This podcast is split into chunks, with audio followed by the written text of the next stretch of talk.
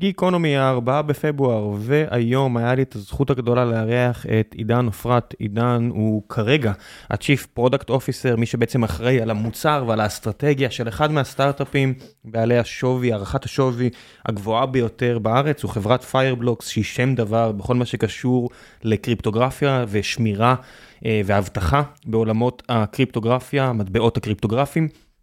ליתר דיוק, אם, אם לא נרצה לצאת עילגים פה מהצד שלי, חברה ממש מדהימה שמעסיקה כבר יותר מ-600 עובדים ושווה לפי פרסומים זרים קרוב ל-10 מיליארד דולר, ולפי פרסומים זרים ולפי אה, עידן שאמר את זה פה, גם אה, תצא להנפקה, אה, לא עוד המון זמן, לא כרגע, אבל לא עוד המון זמן, אז דיברנו קצת על העסק עצמו ועל מה ההימורים הגדולים קדימה במורד הדרך ועל הפיטורים שהם עשו ועל איך הקימו את החברה.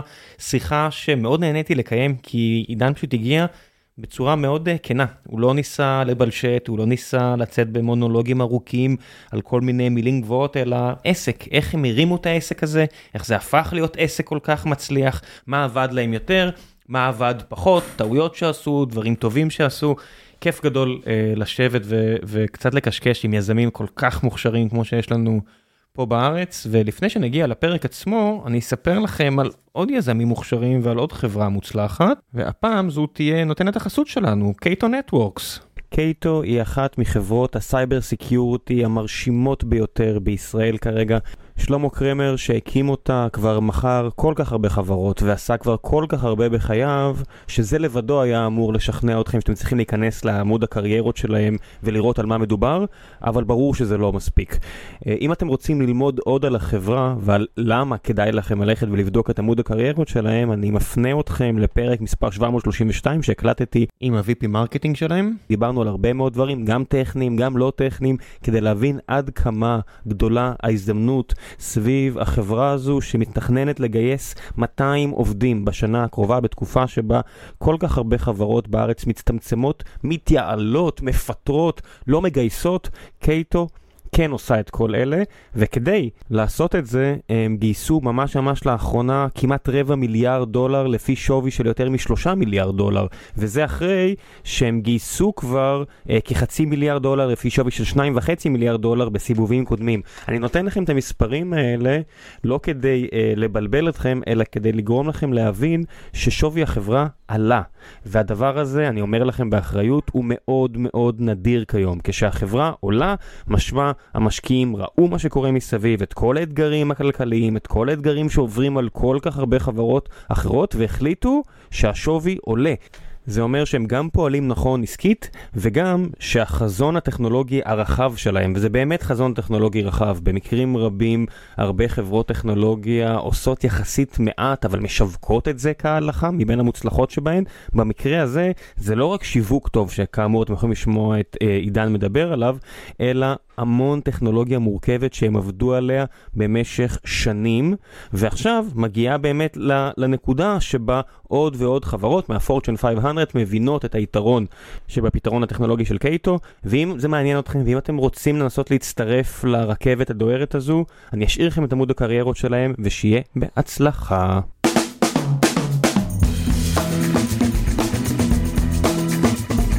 גיקונומי, ה-4 בפברואר, פרק או 844 או 845, יש איזה פרק שייכנס בין לבין, ואחר צהריים זה יש לי את הזכות הגדולה לארח את עידן עופרת, ה-CPO של פיירבלוקס, הנה, אתה רואה, לא טעיתי. לא, לא טעית, IRM, כבוד להיות פה. תודה רבה, כל העובדים uh, שעובדים איתך, כל החבר'ה שעובדים איתך, ששלחו לי הודעות כזה בסוף שבוע, לא, לא, תקשיב, זה עופרת עם עין, והוא CPO, לא CTO, אז הנה, תיקנתי חבר'ה, אתם יכולים להיות רגועים. כן, אז אני אגיד לך שבשלב הזה יותר קל לשנות את השם בתעודת זהות, מאשר לתקן אנשים, כי יש מעט מאוד אנשים שמצליחים להגות את השם הזה נכון בפעם הראשונה. מה, אפרת? כן, הרוב קוראים לי אפרת. תשמע, אנחנו כולנו פה חצי אינדיאנים, אתה יודע, אתה יכול כן. לעשות כזה קעקוע של איזה עופרות ברזל, אני יודע מה. משם זה מגיע. אני מניח שזה מגיע מאיזה יהודי שנגע במכרה והחליט שזה מה שהוא הולך עכשיו לייעד למשפחתו. משהו כזה. ומהר כן. מאוד זה השתבש. משהו כזה. כי הגיעו למקום בלי מכרות, אין פה... מה? אתה יודע, אתה קורא משהו אחר. כן. למרות שאתה יודע. כן, זה היה עברות דרך אגב, לא מוצלח. ל? קיסלשטיין. שזה? שמסתבר שחשבו שזה עופרות ברזל, אבל- אבל לא, מסתבר זה חלוקי נחל. אבל זה הלוואה בריבית. לא, כן. סתם אני צוחק. רק לנו מותר להיות אנטישמים. חבר'ה לא יהודים, אל תקשיבו, לכם אסור. איך הגעתם לפיירבלוקס? גם מבסוף מההתעסקות בקריפטו, קריאה וכאלה, ואז אמרתם, בוא נמכור אה, דברים לקוראים ולא נהיה קוראים בעצמנו? לא, לא, אז אני בכלל לא מגיע, לא הגעתי מהתחום, אה, למדתי על בלוקצ'יין וקריפטו בערך שנה, שנתיים לפני שהקמנו את פיירבלוקס. זאת אומרת 15-16 כזה? אה, 2016-2017, כן. מה הדבר הראשון אה, שחשבת על אה, בלוקצ'יין? אז בהתחלה לא הבנתי בכלל מה זה, אה, אנשים דיברו איתי על זה כבר ב-2011, 2012, אמרו לי מה זה, אה, לא הצלחתי להבין את הסיפור מאחורי זה. אה, ה epiphany שלי קרה אה, יום אחד כשחבר אמר לי תפתח ארנק, אה, והוא אמר לי, טוב, אני צריך לשלוח לך רגע קצת כזה אית'ריום לתוך הארנק, ואז אחרי עשר שניות הוא כותב לי כזה בוואטסאפ, הוא אומר, טוב, קיבלת? ואמרתי, כן, ואמרתי, רגע, זה אצלי? ואז אמרתי, אוקיי, עכשיו אני מבין את הסיפור. זה, זה מדהים. כאילו, אתה למי עבור- שמופתע, זה הימים שלפני ונמו ולפני ביטים אתם בארץ, או פפר פיי, או... כן, פאנ- אבל מה שהיה מדהים זה שהחבר הזה גר בארצות הברית. אה. וזה עדיין היום אה, מאוד מאוד קשה לעשות גם ב... מסובך. אה, מסובך, גם אפשר כאילו כן, לעבור דרך פייפל ולשלם עמלות מבאסות. בדיוק. זה מצחיק שפייפל נשאר לי עכשיו רק כשאני משלם ל bounties. זאת אומרת, אני מנהל איזושהי תוכנית bounties בחברה וכל מיני חבר'ה מדינות עולם שלישית, לא יפה להגיד את זה, אבל זה הרבה פעמים חבר'ה כאלה שפשוט מחפשים להתפרנס. אז הם עושים את ה pentest הכי טוב בעולם ומוצאים כל מיני פרצות כאלה שהם נסגור, לא נסגור, טוב, אני אשלם להם כדי שימשיכו לחפש, זה כזה מסוג הדברים האלה, ופייפל משמש אותי יופי לזה, ותמיד כשאני בא להעביר להם כסף, יש להם את המשפט של, תן עוד איזה 20 דולר, העמלות קורעות אותנו. כן, כן, לגמרי. ואני אומר, וואו, זה מלא, כאילו, העברתי לו נגיד 200, 250 דולר, והוא רוצה עוד 20, אני אומר, באחוזים זה מלא. כן, אז עוד מעט ניגע בזה, יש אה, עוד מקומות שבכלל אה, אנשים אה, לא יכולים להשתמש בפייפל, כן? כי אין להם חשבון בנק או שאין להם כרטיס אשראי.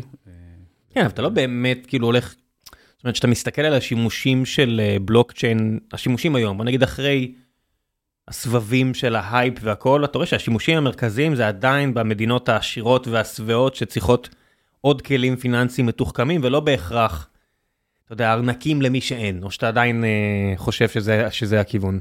אז, אז אה, אני אדבר עוד קצת על השימושים שמתחילים לקרות בבלוקצ'יין עכשיו ומה יהיה בעתיד, אבל האמת שמעניין לראות דווקא שאתה יודע, אנשים שואלים למה משתמשים בבלוקצ'יין, אה, ויש לזה כל מיני שימושים שאפשר לפרט אה, עליהם, אה, אבל דווקא היום במדינות עולם שלישי, רואים שהחדירה היא הרבה הרבה יותר גבוהה מאשר במערב.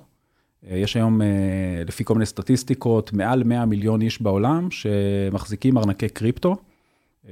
או stable coin, שזה בעצם הגרסה הבלוקצ'יינית לדולר, ומה שהם עושים זה בגדול הגרסה הדיגיטלית להחזיק כסף מתחת לבלטה, והסיבה שהם עושים את זה, זה במקומות אה, כמו דרום אמריקה ואוקראינה ורוסיה ואפריקה ובכל מיני מדינות במזרח. כן, גם אצלנו, של, אה, השכנים שלנו. כן, וה- והסיבה ש... שהם עושים את זה, זה בגלל שהם פשוט לא מאמינים במערכת הכלכלית והמערכת המדינית באיפה שהם גרים. אה, והם אומרים, אוקיי, אני אשמור כסף בצד, שהמדינה לא יכולה לקחת ממני, לפעמים במטבעות אחרים, נגיד ביטקוין או דולר, זה משהו שאם אתה גר בארגנטינה, אתה בעצם עושה לך איזשהו hedging למה שיש לך לפסו המקומי. או ומסתבר ש... ש- אופציה בריחה, מה זה hedging? אתה פשוט בורח כן. ממטבע כן, צולל, אתה- כמו הלירה הטורקית? בדיוק, או... בדיוק. ואתה יודע, בשבילם זה killer feature, כן? זה, זה בעצם איזשהו, איזושהי אפליקציה לבלוקצ'יין שהם אה, משתמשים בה, וזה לא המדינות העשירות, זה דווקא המדינות שבהן אה, באמת באמת צריך אה, בלוקצ'יין, ויש מדינות שבהן זה כבר 10 עד 20 אחוז מהאוכלוסייה אה, מבחינת אחוז חדירה, של, אה, רק לשימוש הזה. כן, אני מניח שאל סלבדור וכאלה, ששם היה איזושהי דחיפה top down. יש יותר? אז באל סלבדור אני לא ממש יודע את הסטטיסטיקה, כמה אנשים אה, יש שמשתמשים בזה. שם זה באמת הייתה דחיפה מלמעלה למטה, שזה כזה קצת מוזר, כי בעצם המדינה עצמה באה ואומרת לך, תשתמש בביטקוין. ברוב המקומות זה בדיוק הפוך, המדינה אומרת לך, תשתמש במטבע המקומי, ואתה אומר, לא, לא, אני רוצה לאחסן אה, דולרים, ואני רוצה לאחסן ביטקוין וכל מיני מטבעות קריפטו אחרים, כדי לעשות אה, גידור בעצם לכלכלה המקומית.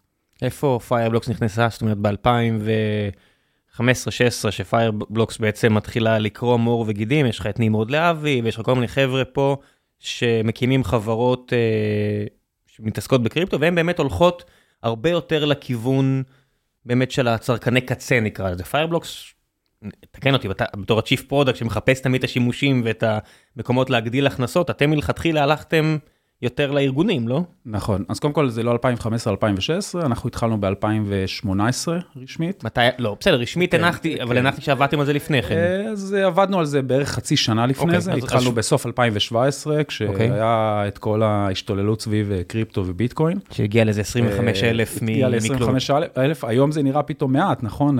אנחנו כבר מה, ב-40 40, ו... 38? כן, כן. אז זה- זה גדל מאז. אה, ואנחנו בתור החלטה אה, אסטרטגית, אני תמיד אומר never say never, אבל אה, אמרנו, אני לא נוגע, לא נוגעים ב consumers כרגע, לפחות לא ישירות. אנחנו חברת B2B, Enterprise, ואנחנו פותרים בעיה לארגונים. מאחורי הארגונים האלה הרבה פעמים יש consumers, יש משתמשי קצה, אבל אנחנו לא בעצם נשרת אותם ישירות.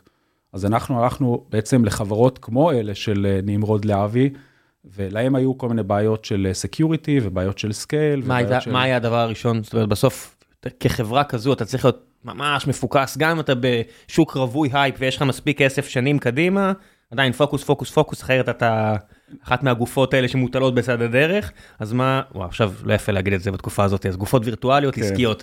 אה, מה מה היה באמת השימ- ה killer feature הראשון של פיירבלוקס? כן, אז שאלת אותי קצת מה, איך הגענו בכלל לתחום כן. הזה, אה, כולנו מגיעים מרקע של security.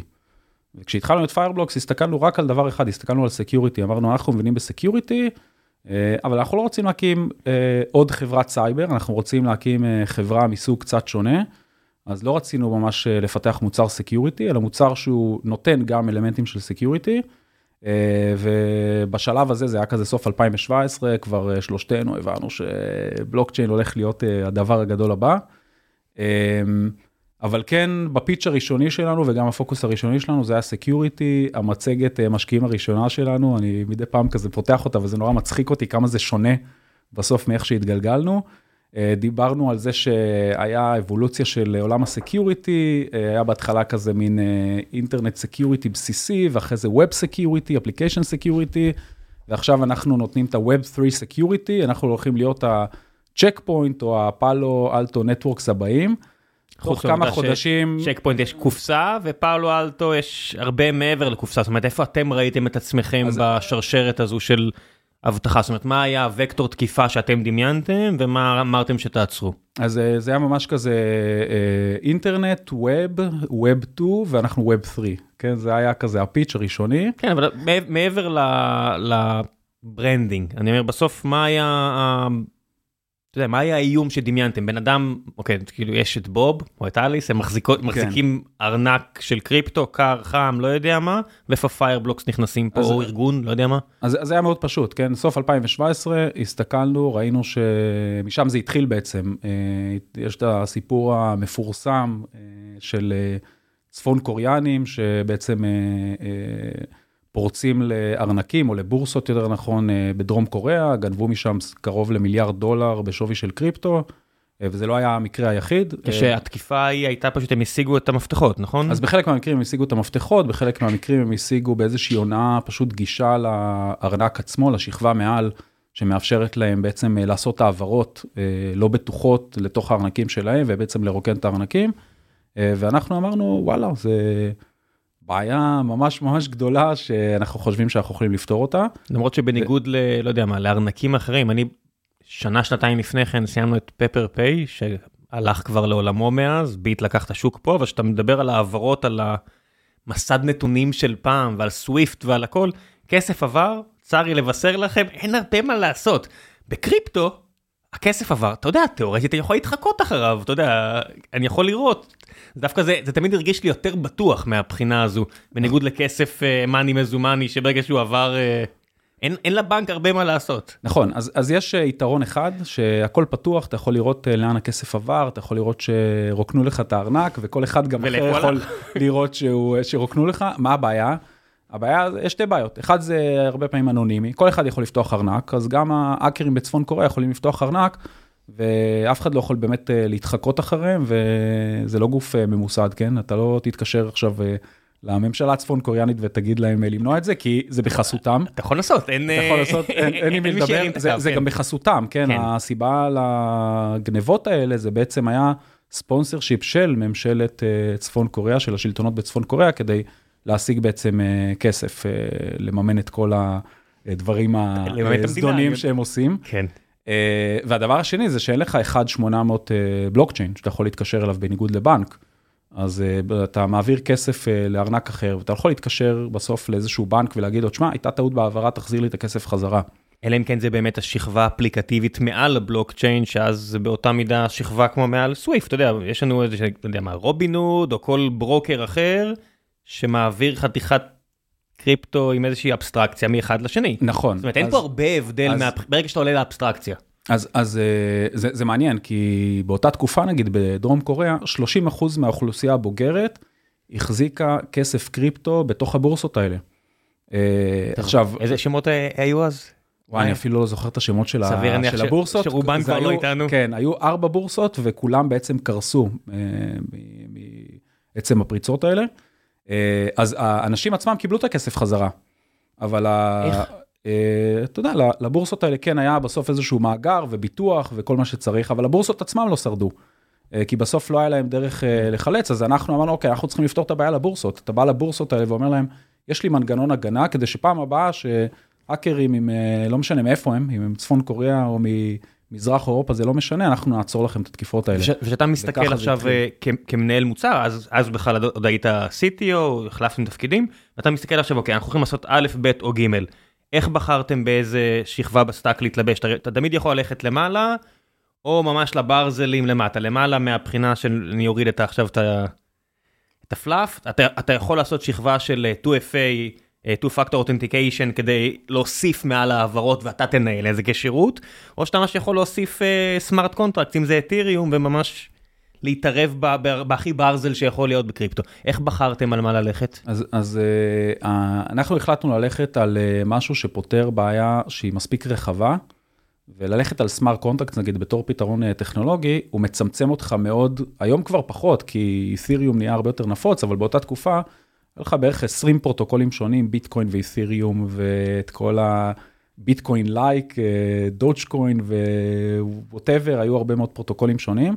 ואנחנו היינו צריכים ללכת לארגון ולהגיד לו, אנחנו פותרים לך את הבעיה אה, לכל הרשתות שבלוקצ'יין שאתה עובד איתן, ולא רק לאת'יריום, אז מן הסתם לא בחרנו smart contract. כן, היכולת אה, להוסיף רמה של קוד שתיתן איזושהי לוגיקה מסביב לכסף או לדמוי כסף, שזה אותם מטבעות קריפטוגרפיים, זה בעצם feature של את'יריום ולא נגיד של ביטקוין לצורך נכון, העניין. נכון, בדיוק. לביטקוין יש טכנולוגיה שונה לגמרי, היא לא מבוססת על smart contract, על חוזים חכמים. יש גם אפשרויות שם לעשות כל מיני לוגיקות.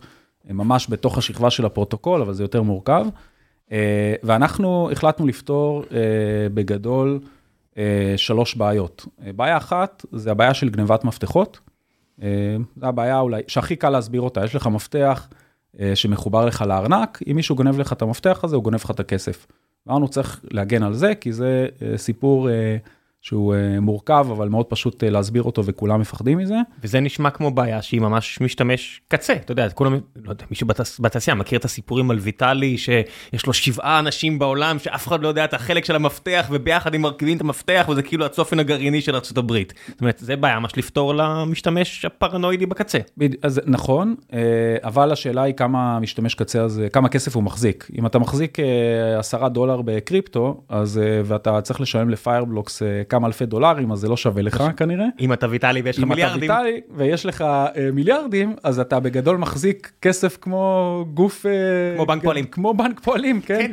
ואז כנראה שאתה רוצה כן לשלם על פתרון כזה. אה, אנחנו הלכנו לארגונים, כי... והיה לנו גם אפשרות ללכת למה שנקרא high net individuals, לכאלה שמחזיקים מיליונים בקריפטו. הלכנו בתור אסטרטגיה על גופים, בעיקר גופים פיננסיים. וכמו שאמרת, צריך להתפקס. אתה לא יכול ללכת על כל סוגי הגופים ועל כל סוגי הלקוחות. איך מגיעים לראשונים? הרי אתה יודע, בעולם של סייבר יש פלן הוותק מאוד מאוד ברור. החבר מביא חבר ברמת הסיסואים או CIOים, זה משקיעים שעוזרים, זה הקשרים שלך, זה העובדה שכבר היית בחברות שהצליחו לפני כן. אתה מגיע לעולם הקריפטו וזה הרבה פעמים חבר'ה מאוד שונים, אתה יודע, זה יכול להיות נכון. חבר'ה ש... שפשוט מצאו נפט, ועכשיו הם ברוני הנפט החדשים, ולך אתה אפילו מדבר עם כינוי, אתה אפילו לא מדבר עם בן אדם. כן, איך אז- עושים את כל הסיפור הזה? אז, אז זאת אחת הסיבות למה לא ללכת בסוף לכל מיני אנשים פרטיים, אלא ללכת לגופים אה, מאוד ממוסדים בעולם הזה, והיו שני גופים, או הייתי אומר אפילו יותר נכון, שלושה סוגים של גופים שונים בעולם הזה. אה, הראשון זה בורסות, שהיו מאוד נפוצות. אה, בורסות בסוף זה גופים שמשתמשי קצה הולכים אליהם בשביל אה, לקנות ולמכור אה, קריפטו. יש אה, גוף דומה לזה, אבל שאנשים פרטיים פחות מכירים, זה מה שנקרא OTC Desk, זה בעצם Over the Counter Desk או Trading Desk, שמי שהולך לשם זה לא אנשים פרטיים, יש את זה גם בעולם אה, מוסדי, המוסדי הרגיל, כן. שאתה, אם אתה איזה קרן גידור מאוד מאוד גדולה, אתה לא הולך לבורסה וקונה שם מניות של אפל.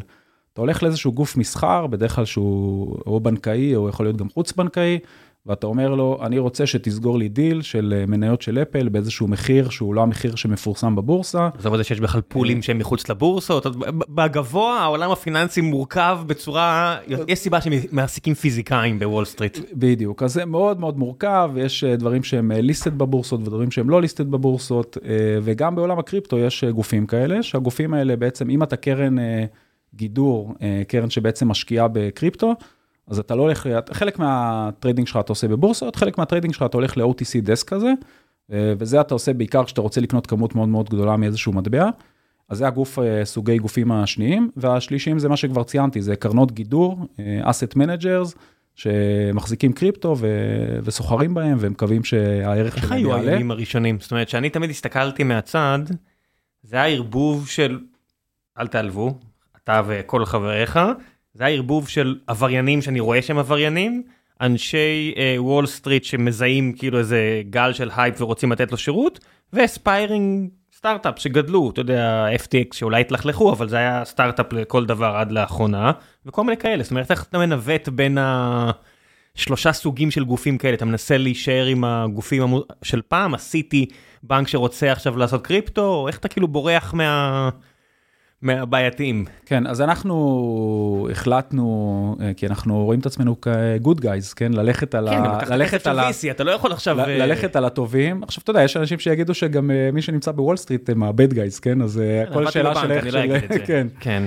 אז החלטנו ללכת על גופים יותר מסודרים. הגופים הראשונים שעבדנו איתם, זה היה גופים שנמצאים כולם בניו יורק, גופים שהם regulated. הלקוח הראשון שלנו זה בכלל חברה ציבורית שנסחרת בבורסה של קנדה, אז היא תחת פיקוח, חבר'ה שנקראים Galaxy.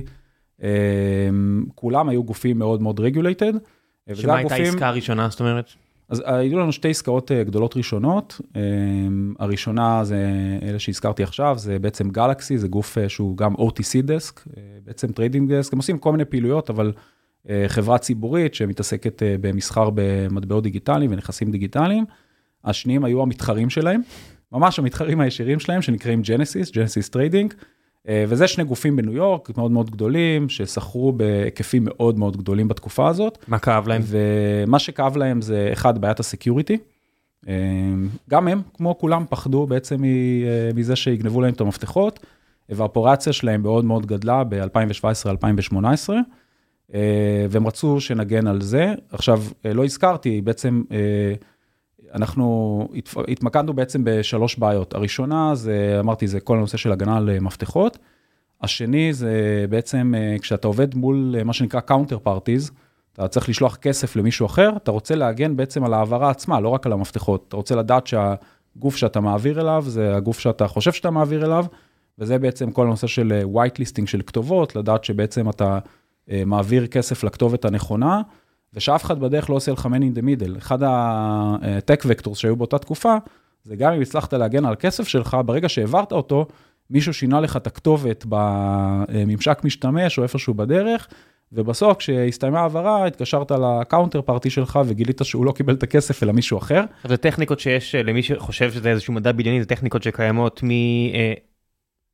מסוכנויות של פרסום, זאת אומרת, מבורסות של פרסום שמשנים בשנייה האחרונה את ה attribution כדי לקחת את ה attribution לאיזשהו ארגון אחר, זה קיים בשוק הפיננסים הרגיל, זה קיים בכל כך הרבה שווקים, בסוף הבעיה הטכנית עצמה מאוד דומה לאחרות, אבל בקריפטו היא פשוט מרגישה ממש הרת גורל. כן, כן, אז, אז זה לא קיים רק בקריפטו, כן? זה קיים ב, ב, גם בעולמות אחרים. הבעיה בקריפטו זה שבסוף, אה, אתה יודע, סתם, אני תמיד נותן דוגמאות כאלה של אה, כל מיני אה, בעיות security שיש לך אה, בעולמות שלא של קריפטו, אז אה, אתה, הדרך שלך בסוף אה, לקבל רווח כלכלי מתוך איזושהי תקיפת security זה משהו שהוא מאוד מאוד עקיף, כן? אתה גונב דאטה ואז אתה מוכר אותו ואתה אולי עושה איזה ransomware ואז מישהו אולי ישלם לך כסף.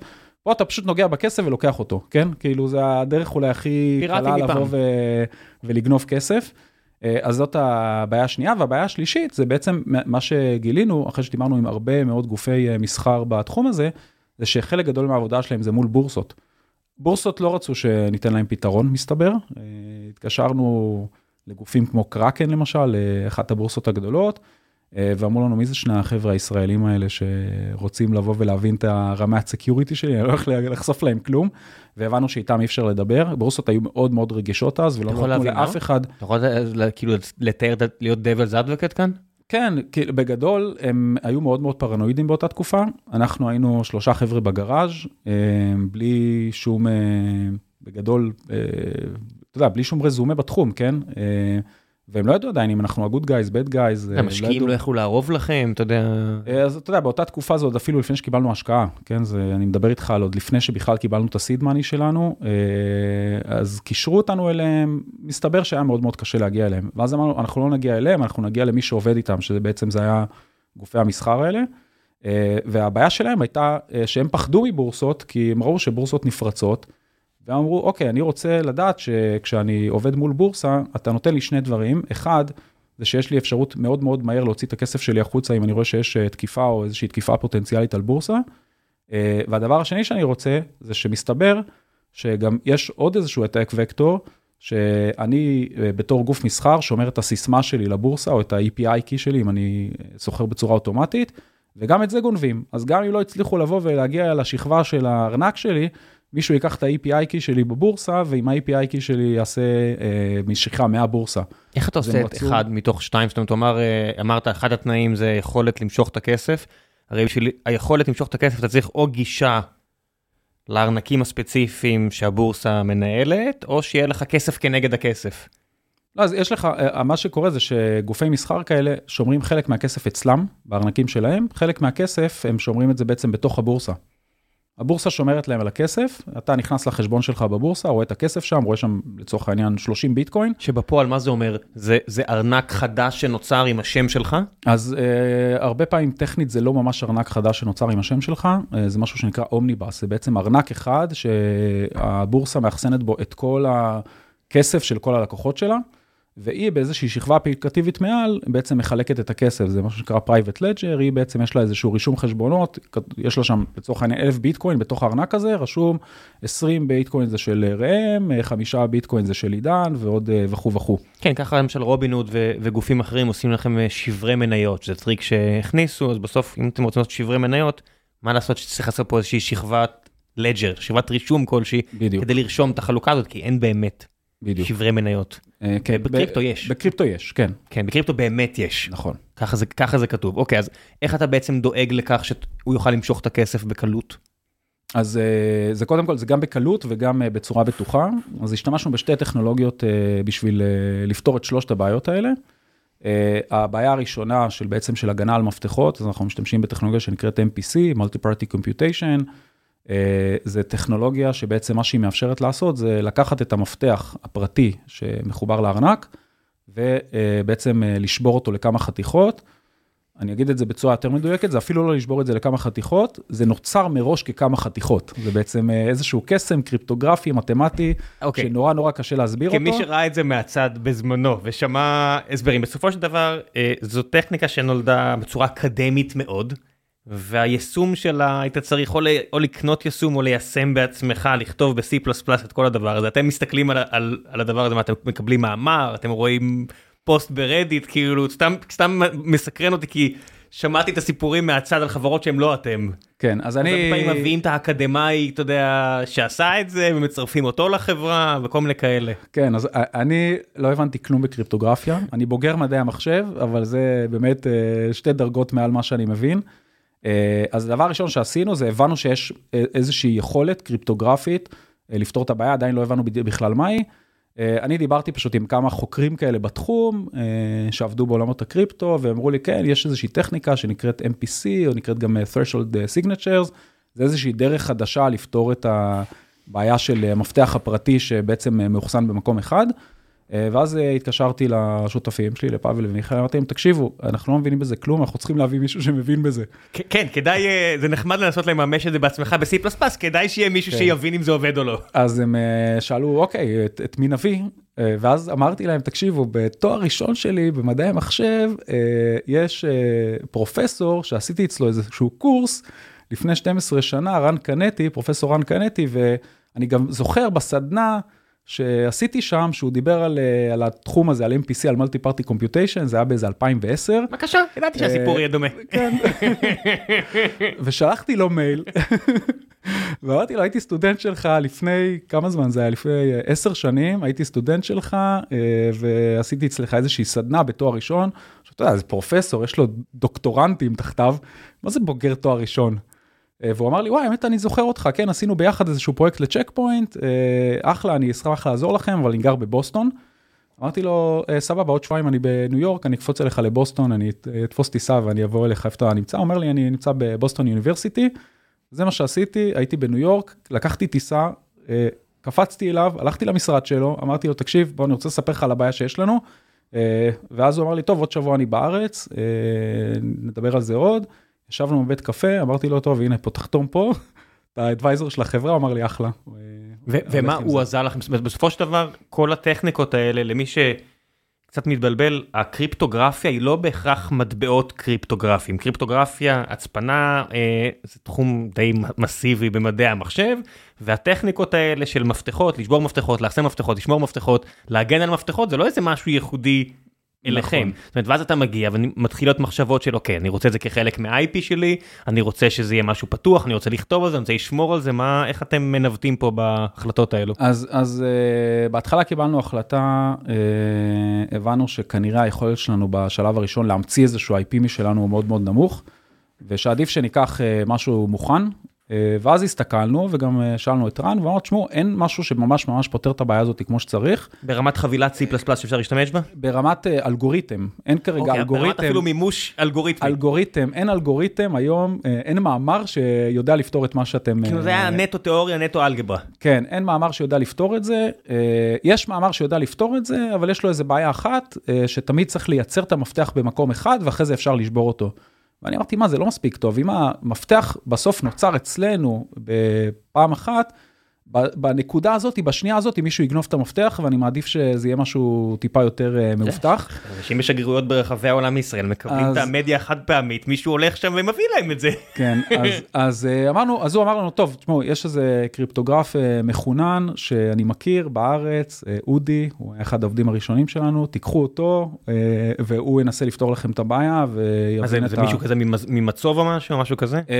הוא היה דוקטורנט שלו. זאת אומרת, חזק בצד של של האלגברה, של המתמטיקה? חזק בצד של המתמטיקה, אה, ומסתבר גם, אה, אה, יש לו הרבה ביטקוין, מסתבר שהוא נכנס לתחום כן. הזה ממש ממש מוקדם, אז הוא גם אוהב את העולמות של הקריפטו. נורא בעייתי להשיג את האנשים האלה, חבר'ה, זה... כל המבנה תמריצים הוא ממש כן. משתנה לך כן, מול העיניים. זה היה ממש בדיחה שכל הזמן רצה, שאמרנו שאודי כנראה, לא, לא צריך את ה... כן, כן, הוא ממש עובד בשביל הכיף. אודי יהרוג אותי על זה עכשיו. אה, אז אה, אה, הבאנו את. עם ג'ו, שאחד מהחבר'ה שאחראים לבלוקצ'יין שהיה פה בפרק, ואז אני אומר לו כזה באמצע הפרק, עכשיו הוא שלא יתעצבן עליי, אבל אני אומר לו, אתה מדבר על זה נורא פתוח, ושמתי לב שאין לך, כאילו נכנסתי פה לחדר, לא הקלטנו פה, כי מסיבות ברורות, באיזושהי דירה בחדר ביפו, אין לך אפילו מאבטחים. מה מונע מאנשים פשוט עכשיו לבוא, לקחת לעצמי סכין לגרון, לקחת, הוא עושה, תעצור את ההקלטה, תוריד את הקטע הזה, אל תכניס רעיונות לאנשים, אמרתי, טוב אחי, הבנתי, צודק, אין לי בעיה, אני אזרום איתך, הוצאנו, קדימה, בואו נמשיך. כן. אז דודי, איך מצטערים? כן, אני בטוח שאתה לא הראשון ששאל אותו את זה, והוא לא, לא, בטח כנראה גם עבר לו בראש אה, כמה פעמים עוד לפני זה. לא יודע, כי אנחנו יושבים כזה באיזשהו חדר ביפו, מדברים, ופתאום אתה רואה שהוא מסתכל עליי, הבת שלהם ואומר, לא טוב. לא טוב, תוציא. כן, שמע, זה, זה בסוף זה חלק מהעניין הזה, שאתה מתעסק עם סכומים משמעותיים, הבטחה זה לא משחק. נכון. אה, אז אני אחזור רגע לסיפור של ה... שמצטרף. לאודי, כן, הצטרף, אה, ואז הוא אמר לנו, תקשיבו, באמת אין, אין אה, מאמר שכרגע יודע לתמוך בזה. ואז החלטנו שאנחנו לא הולכים על קריפטוגרפיה בשלב הראשון, אנחנו ננסה עוד להבין מה קורה שם ואיך אנחנו הולכים על איזשהו פתרון קריפטוגרפי. ובינתיים אנחנו נשתמש ב... זה היה בהתחלה ביטקוין, כי אמרנו שאנחנו נתחיל מביטקוין. ואודי אה, פיתח לנו בעצם איזושהי שיטה אחרת להגן על המפתח, שיטה שנקראת multisig, שהיא שיטה ידועה יותר, אה, שמשתמשת בעצם בביטקוין scripts. ואז בזמן שאנחנו מפתחים את זה, כזה to make long story short, ביוני גייסנו את הכסף יוני 2018, היי חבר'ה, רק ניקח הפסקה קטנה מהפרק הזה כדי להזכיר לכם שחברת Cato Networks היא נותנת החסות שלו, אז אם אתם מחפשים עכשיו עבודה ואתם רוצים להגיע למקום משמעותי, אימתני, חברה רצינית ששווה מיליארדי דולרים ורוצים לעבוד לצד כמה מאות מהאנשים הכי מוכשרים בתעשיית ה cyber security הישראלית, חברה של שלמה קרמר, מה-OG's של התעשיית סייבר בארץ. חברה עם הרבה מאוד אתגרים טכנולוגיים שכבר מוכרת במאות מיליוני דולרים, אז אני אשאיר לכם את הפרטים, כנסו, תראו איזה תפקידים פתוחים אצלהם, ושיהיה המון בהצלחה. ועכשיו בחזרה לפרק, מקווה שאתם נהנים. יולי גייסנו את העובדים הראשונים ממי שלנו. גייסתם? מההתחלה? אה, מגילי רענן, Cyberstarts, כן. והסיבה לזה זה שה pitch הראשוני שלנו היה security, זה היה קל, כן, ואז הכל השתנה, אבל אה, וגילי כאילו הביא את המודוס אופרנדי הרגיל של אה, בואו אני אכניס אתכם לכל הגופים הפיננסיים וכל האלה? אז הוא ניסה, ואז הוא אמר לנו, יש, גילי מגיע מסקויה, ושם יש איזשהו תהליך שנקרא Sunrise, שאתה הולך כמה חודשים, מסתובב, והוא מקשר אותך לכל מיני גופים. אה, ואז הוא חיבר אותנו לכל מיני בנקים אה, וכל מיני גופים פיננסיים, וגם דיברנו עם פייסבוק ועם כל מיני גופים אחרים שהוא ידע להביא אותנו אליו. כן, דיוויד מרקוס. בתקופה ההיא בדיוק מקבל את המושכות, אם אני זוכר נכון, בפייסבוק. נכון. ומראים את הארנק, וזה הרבה חבר'ה פה בארץ גם, היה בדיוק. תקופה שפייסבוק, פייסבוק הרי עברה, אנחנו חברת קריפטו, אנחנו חברת מטאוורס, עכשיו אנחנו חברת AI, בין לבין, אם אני היה בשיא כל הזמנים, אני אסתום את הפה אז, כי הם יודעים מה הם עושים. כן, אז, אז אה, אמרנו לו, בסדר, נעשה את ה Sunrise, אבל תשמע, אה, גילי, בגדול כבר עשינו Sunrise.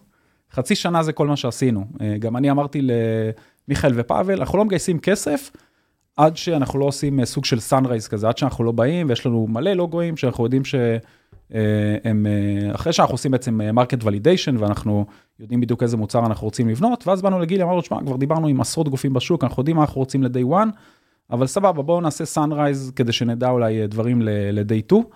אה, אז לא חיכינו לזה, זאת אומרת, כבר פיתחנו מוצר, הגענו, גייסנו את הכסף, ביולי גייסנו את העובדים הראשונים, פיתחנו מוצר, אה, מיכאל אמר, אה, מכירות? מיכאל- או שזה עדיין כזה שותפים לדרך? אז זה סוג של design partner, זה היה לנו בערך עשרה design partners, שגם אמרו לנו בערך כמה כסף הם מוכנים לשלם לנו על זה, אם נפתח להם את אתה רוצה הפתרון. לתת כזה ballpark, סתם שנבין את המודל העסקי? אה, אז המודל העסקי, אנחנו חברת SaaS, כן. אה, המודל העסקי בהתחלה זה היה מין fixed cost כזה, כן, זה על היה, מה? אה, בגדול על, על פלטפורמה של... לא, פיקס cost על כל טרנזקציה, fixed cost על seats, אתה יודע, בסוף fixed cost יכול... אה, זה, זה כאילו, זה, זה היה בגדול, אה, אתה יודע, זה בהתחלה, כן? אז בהתחלה אתה כן. בגדול אומר להם, אה, זה מה שנקרא לובי pricing, כן? אתה מגיע אליהם ומנסה להבין כמה הם מוכנים לשלם, ואז כדי, אה, ואז אה, אתה בא ל-CFO שלהם ואתה אומר להם, מנסה לעשות אה, discovery, להבין כזה איך אתה מתמחר את זה, אה, ואז אתה אומר, רגע, אולי אה, לפי volume, אה, ואומרים לך, לא, לא, אני לא יודע כמה volume אני אעביר דרככם. גם- אני... גם volume של מה? מספר עסקאות, היקף עסקאות, היקף יודע. עסקאות, ואמרו, לא, לא, הכי נוח לנו, תגידו לנו מראש כמה אנחנו צריכים לשלם לש... אה, לשנה הקרובה. זה הכי טוב לנו. אה, אבל איך, איך זה יכול להיות? זאת אומרת, אין, זה, זה, אין לזה אח ורע הרי בשום דבר אחר שקשור לטרנזקציות. כי טרנזקציות, הפערים, אתה יודע, אתה רואה את זה במליו עד ל-PayPal. הרי נכון. אז, אז בשנה הראשונה זה היה ככה, אה, בגדול... אה, fixed cost, הנה המוצר, קחו, תעשו מה שאתם כן, רוצים קחו איתו. תעשו מה שאתם רוצים. בשנה השנייה אמרנו להם, אה, עכשיו הולכים לשנות את התמחור, והתמחור עכשיו הולך אה, להיות אה, לפי כמה פרמטרים, שהעיקרי ביניהם זה בעצם ווליום טרנזקציות, שווליום זה ווליום דולרי, אמרנו אנחנו סופרים לכם כמה ווליום דולרי ממירים ברגע הטרנזקציה ועושים טלי, עושים... אה, ו- אבל אנחנו לא עושים את זה, אנחנו, אתם קונים את זה מראש, בעצם אתם קונים מראש חבילה עם איזשהו ווליום, ואתם צריכים להעריך כמה אתם הולכים להעביר בשנה הקרובה. אה, חצי מיליארד, מיליארד, אה, חמישה שמע, מיליארד. זה, זה, זה, זה קשה, מורכב, מעניין לכם, כמו שזה קשה, מעניין, מורכב להם. כי בקריפטו יכול להיות, גם במסחר רגיל, יכול להיות, אתה יודע, אתה מסתכל נגיד על היקף volume של מסחר, זה יכול להיות טריליונים, מיליארדים, כי זה פשוט עובר בין שתי ידיים, אפילו לא בקטע רע, כי פשוט זה המסחר, המסחר מאוד ער, ואם אתה עושה price discovery על volume, בתקופה ההיא שהכל היה מג'נון, עדיין מג'נון על קריפטו, זה, זה סופר כאילו, איזה, איך אתה חותם על הדבר הזה, הם מהצד שלהם. אה, אז כאילו מהצד שלכם מגניב. לא יודע, אבל הם זרמו על זה. כאילו, זה הם- כיף. מבחינתם זה היה, זה היה אחלה, הם רצו את זה, גם כל הזמן הווליומים עלו, אז הם הגדילו את החבילה וקנו עוד. אה, ככה זה עבד. קרדיטים כזה ממש? זאת אומרת שברגע שנגמר אתה מתריע מראש בוא תקנה עוד? כן, כן, בוא תקנה עוד, אתה בא, אומר להם, אה, בגדול נגמר לכם, אתם חורגים, יש לכם בעצם איזשהו overage שאתם צריכים לשלם, אבל אם אתם רוצים, אתם יכולים לקנות חבילה יותר גדולה, ואז בעצם היא גם יותר זולה אה, פר דולר, זאת אומרת, האחוז שאתם צריכים לשלם אה, על כל העברה יותר נמוך. ה-ROI שלך הוא אחד. כאילו אתה יודע אתה משלם לאיש מכירות הוא מחזיר את עצמו ביום הראשון שהוא עושה עסקה כי אה, כי מה מישהו יקנה אתה לא יכול לקנות ווליום נמוך על דבר כזה. אה, אתה יכול, כאילו, היו גופים שקנו מעט, היו גופים? שקנו הרבה, אבל אה, כן? אנשי המכירות הראשונים שלנו מכרו כל שנה במיליונים, כן? כן לא אני מתאר לעצמי שזה אנשי מכירות שבנו דירות על הראש שלכם בשנה הראשונה שהם עובדים אצלכם. חלקם, כן.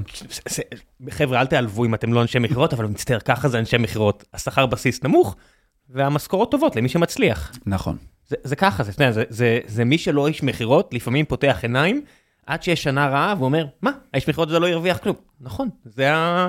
זה עסק קשה. רק כשאתה נהיה יזם, אני חושב שאתה לומד להעריך אנשי מכירות. אומרת, אלא אם לגמרי. כן אתה איש מכירות. לגמרי. דרך אגב, עד היום, אה, אני כזה קצת משנה את הנושא, אבל אני אה, הרבה פעמים... אה, אנשים כן, לא הבינו איך אנחנו לא שינינו את זה עד עכשיו. לגמרי. כן. אבל אני כל הזמן חוזר גם לאנשים בפיתוח וגם למנהלי מוצר, שאתה יודע, בסוף האנשים ב-R&D ואנשים בסל זה שני עולמות מאוד מאוד שונים, ואתה רוצה שתהיה הערכה ביניהם, כן? שבסוף האיש מכירות שמפתח, שמוכר משהו, שהוא יודע שבסוף היה מישהו שממש ממש עבד קשה בשביל לפתח את זה, אבל אתה רוצה גם שהמפתח, שבסוף הוא אומר, מה זה, האיש מכירות הזה הוא לא מבין כלום בארכיטקטורה של המוצר. ואתה אומר, תקשיב, התפקיד שלו ממש ממש קשה. כאילו, לפתח מוצר זה קשה, למכור מוצר זה ממש ממש ממש קשה, והאנשים האלה קמים בבוקר, ויש להם אה, שכר בסיס בגדול די נמוך. והם אה, הם, הם צריכים למכור הרבה כדי אה, בסוף אה, לחזור חזרה למשפחה שלהם ולהצדיק את הסיבה שהם קמים כל בוקר, ואתה מקבל את המשכורת שלך, אתה עובד קשה, אבל זו התמודדות מאוד מאוד שונה. השונות הרבה יותר נמוכה אצל מפת- אצל מפתחת לעומת אצל איש מכירות.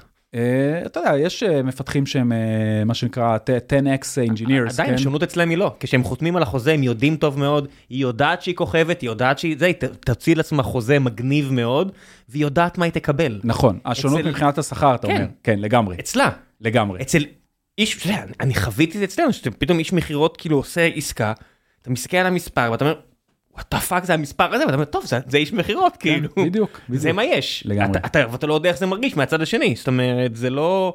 אתה רואה את זה בעיקר אצל הענקיות, שפתאום יש לך איזה גל כזה של אנשי מכירות שעוזבים את GCP, כי גוגל החליטה שהיא משנה את התמחור. בסדר, איש מכירות זה, זה נגמר העולם, אתה יודע. לגמרי. איך אתם עשיתם, מה היה האיש מכירות הראשון שלכם, איך, בדרך כלל כאילו גילי השותף שלי פה תמיד היה אומר, founderים כותבים את ה-playbook, ואז מביאים את זה לאיש מכירות כדי להריץ אותו. נכון. איך נראה ה-playbook אצלכם? אז אה, קודם כל, אנחנו ב-day one, ואני חושב שזה משהו שנכון אה, לכל אה, יזם, מכרנו בעצמנו. את המכירות הראשונות אנחנו עשינו, מיכאל, שהוא השותף שלי, שהוא גאון טכני, אבל הוא איש מכירות לא פחות טוב. מיכאל המנכ"ל, פאבל מיכאל היה- המנכ"ל, פאבל מנהל את VP ה-VP R&D. מיכאל באמת כזה jack of all trades, יודע, אה, מבין טכנולוגיה, יודע למכור, יודע לשווק, יודע הכל מהכל, אה, והוא האיש מכירות לדעתי עד היום, אחד הטובים של החברה, אה, וידע למכור, וכל הלקוחות, כל העסקאות הראשונות אה, מיכאל סגר, אני הגעתי בתור ה... אה, ממש in person, כן. טסתם כאילו, לכל היעדים? טסנו, טסנו עוד לפני שבכלל אה, הקמנו את החברה, כבר טסנו, הוא עבר לניו יורק עוד לפני שהקמנו את החברה, אה, ובגלל זה, אני חושב שזאת אחת הסיבות שבסוף השוק הראשוני שלנו היה ניו יורק, ומכר בעצמו, אני הגעתי איתו להרבה מאוד מהשיחות מכירה בתור, ה- נקרא לזה Sales Engineer סוג של, בתור הדמות הטכנית שמגבה אותו, ואנחנו מכרנו את כל הראשונים. אתה באת עם האודי, הוא בא עם החולצה המכופתרת. כן, הוא הגיע עם החולצה המכופתרת, אני הגעתי עם החולצה המכופתרת, אה, אבל אה, מחוץ המעוואי יותר, למכנסיים, כן, המעוואי יותר. כן. אין- אין כמו להיות האיש הטכני שרוב העבודה שלו היא בכלל בירוקרטית או להעסיק אנשים כן. והכל ואז שאלו אותך שאלות טכניות. כן. אחי שמע אני אספר לך אבל בוא נגיד את האמת. כן, כן, טיפ שפעם קיבלתי זה שאם אתה מגיע בתור הבן אדם הטכני, אל תתלבש יפה מדי, כדי שיקחו אותך ברצינות. אה, אז אני הגעתי אה, יחד איתו, אבל הוא בגדול זה שהוביל את המכירה.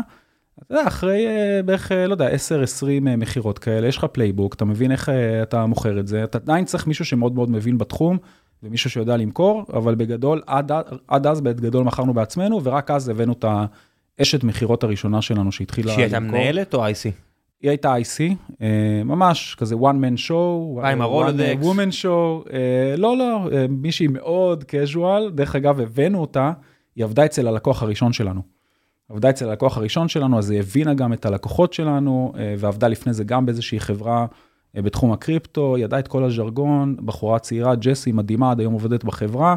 זאת אומרת, זה אנחנו מדברים פה על 2021 כבר? זה אה, עדיין, זה אני חושב 2020, לדעתי זה היה, 2019, 2020. 2020 מתחילה קורונה, העולם אה, קודר, אבל מהר מאוד נהיה אה, נחמד ופורח, בטח עבורכם ועבור חברות הייטק רבות. בשלב הזה אתם כבר בוולואציה של מעל מיליארד דולר, נכון? לא, בשלב הזה לדעתי היינו בוולואציה של עדיין יחסית אה, סבירה, נקרא אוקיי, לזה. ב- באיזה יותר שלב היה-. עבר- עברתם את הוולואציה של השלושה פסיקים? 2022? אה, 21? זה היה ב-2021. אוקיי, 2021 כן. מתחילה תקופת זוהר כזאת של אה, גיוס כסף והערכות שווי. אתם כבר מבינים שבשלב הזה אתם צריכים להקים חברה, זאת אומרת אימפריה ולא סטארט-אפ? לגמרי. בשלב הזה כבר היינו עם, אה, לדעתי, משהו כמו 150 לקוחות, שזה די הרבה לשלב הזה. יותר לקוחות מעובדים. הרבה יותר לקוחות עובדים. היינו אה, בשלב הזה, לדעתי, אולי 40 עובדים, 50 עובדים בחברה, אה, גג, אה, והיינו כבר עם 150 לקוחות. גייסתם CFO כבר? לא, לדעתי בשלב הזה עדיין לא גייסנו CFO, אני חושב שהיינו כזה בדיוק בחיפוש של CFO, גייסנו מנהל הסיילס, עד אז היה לנו כזה מין ICs, איזה ארבעה חבר'ה, אחת בארצות הברית, עוד אחד באירופה, ועוד מנהלת מכירות ב- באסיה.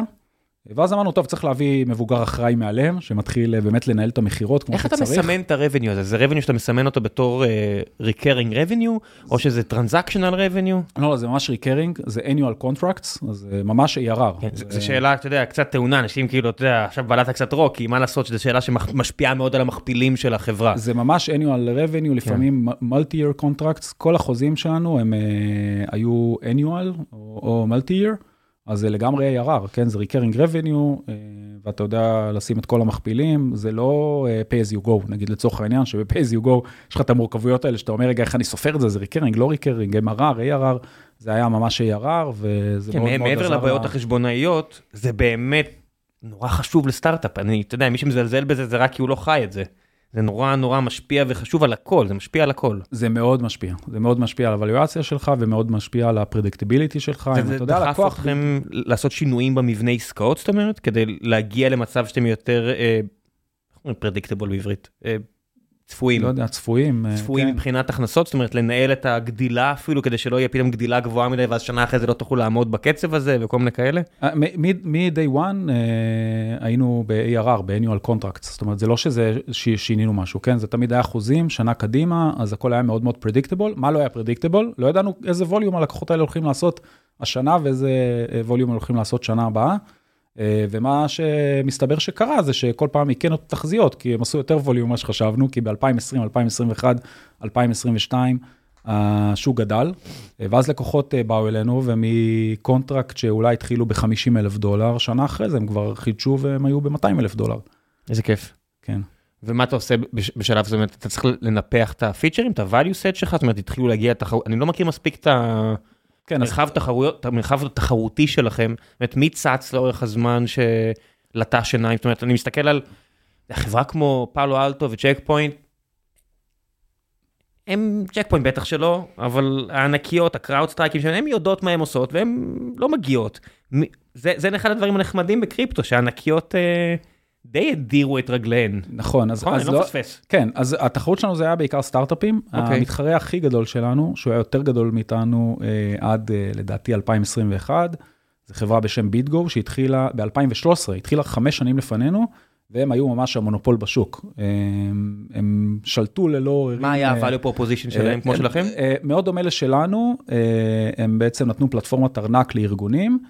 אה, הם פספסו שם מבחינת המוצר, אה, בכל מיני אה, אלמנטים שהם פחות ברמה מתחת, אלא כל מיני שכבות אפליקטיביות. למשל, אנחנו נתנו ב-day one, זה היה קילר פיצ'ר שלנו, גישה לבורסות בצורה מאוד מאוד קלה, אתה מחבר את כל החשבונות בורסה שלך, רואה את החשבונות בורסה שלך במערכת, הם נגיד לא נתנו את זה, עד היום הם לא נותנים את אני זה. אני מחזיק למשל כסף באיזושהי בורסה אמריקאית, ואז בארנק שלי אצלכם, בשכבה האפליקטיבית, אני אראה רפרזנטציה של הכסף הזה אצלי. בדיוק, ואז אנחנו בעצם פתחנו קטגוריה חדשה, כי הם, הקטגוריה שלהם זה היה פלטפורמת ארנק, שנותנת לך לנהל את הכסף שלך בארנק שלך. אנחנו כבר פתחנו קטגוריה חדשה, שזה בעצם פלטפורמה לניהול נכסים דיגיטליים, כי אמרנו ללקוחות שלנו, אתם יכולים לנהל את זה בארנק שלכם שאנחנו מביאים לכם, אבל אנחנו נותנים לכם visibility לכל המקומות האחרים שבהם אתם uh, שמים בו כסף, גם אם זה לא הארנק של פיירבלוקס. Uh, ואז יש לך בעצם מערכת הרבה יותר uh, כזאת comprehensive, הרבה יותר הוליסטית, שאתה יכול לראות בה את כל הנכסים שלך, ואתה יכול לנהל את ה-policy הארגוני שלך. ואתה יכול למשוך ולהעביר ביניהם. ו... איך היה לעמוד נגיד בשצף קצף של ה-NFTs? היה, כל, כל סטארט-אפ בתקופה הזו שהיה טיפה גדול או גדל, משקיעים או חברי בורד או סתם אנשים מהרחוב אמרו תגיד למה אתה לא עושה NFT למה אתה לא דוחף ככה וככה אצלכם זה כאילו כמעט ה... אתה יודע, obvious, איך אתה עומד בפרץ בפני uh, כל גל של הייפ שהגיע לעולם הזה שלכם? אז... אתה לא יכול להמר על הכל הרי, אתה לא יכול כן, להתפרע. אז, נכון, אז אנחנו, uh, אתה יודע, יש לנו אסטרטגיה בסוף שבאה ומנסה להעריך איזה דברים הם יהיו uh, שימושים שהם uh, ארוכי טווח, ואיזה שימושים הם שימושים שהם אולי כזה יותר טרנדים. תרחיב על זה, מה זה אומר לנו יש אסטרטגיה? מה זה שיחות בתוך החברה? כן, כן. מישהו שהוא ייעודי על זה? לא, אתה יודע, יש לנו פורום אסטרטגי בחברה, אני חלק ממנו, מן הסתם השותפים שלי הם חלק ממנו, יש לנו סמנכ"ל אסטרטגיה גם בחברה. סמנכ"ל אסטרטגיה? כן, שהוא... מה זה סמנכ"ל אסטרטגיה? הוא בעצם, התפקיד שלו זה לתכלל את כל האסטרטגיה בין ה-go to market לבין ה product. יש לו גוף research שחוקר את השוק ורואה וואו, את הטרנדים בשוק. זה בדרך כלל משהו שאני מכיר שה product פשוט עושים, זאת אומרת, לקחת את זה, כאילו אתה בתור האמון על כל הסיפור הזה, הפרדת פה בעצם execution מ strategy. לא, לא, אז אני אחראי על ה product strategy, אני בעצם מציג לחברה, תמיד יש לנו כזה טקס פעם בשנה, מה האסטרטגיה כמה שנים קדימה. מה שחסר זה בעצם, יש גם את ה-go to market, יש בעצם גם את ה-go to market strategy ותחומים, התחום הזה, בכלל, כל עולם הבלוקצ'יין זה עולם שזז מאוד מאוד מאוד מהר. ואתה בסוף רוצה מישהו שיבוא וייתן לך איזושהי זווית של איזה דברים, איזה טרנדים קורים, איזה סוגים של גופים נכנסים לתחום הזה. זה ברמת מה, מעקב על הסטארט-אפים החדשים שצצים או מה? זה קומפטישן, זה טרנדים שקורים בתחום, זה מחקר של איזה בנקים מרכזיים עכשיו נכנסים לתחום הזה ומנסים להבין בסוף על מי הם הולכים. איזה שימושים ראית ופסלת, נגיד, תגיד לי מה לא, אל תגיד לי מה כן. אז זה לא שאנחנו פוסלים, אנחנו, אתה יודע, מי שמגיע אלינו וזה שימוש לגיטימי, מה אנחנו פוסלים? קודם כל, אנחנו לא מכניסים כל לקוח, כן? אם בסוף יהיה לקוח שאנחנו יודעים ש...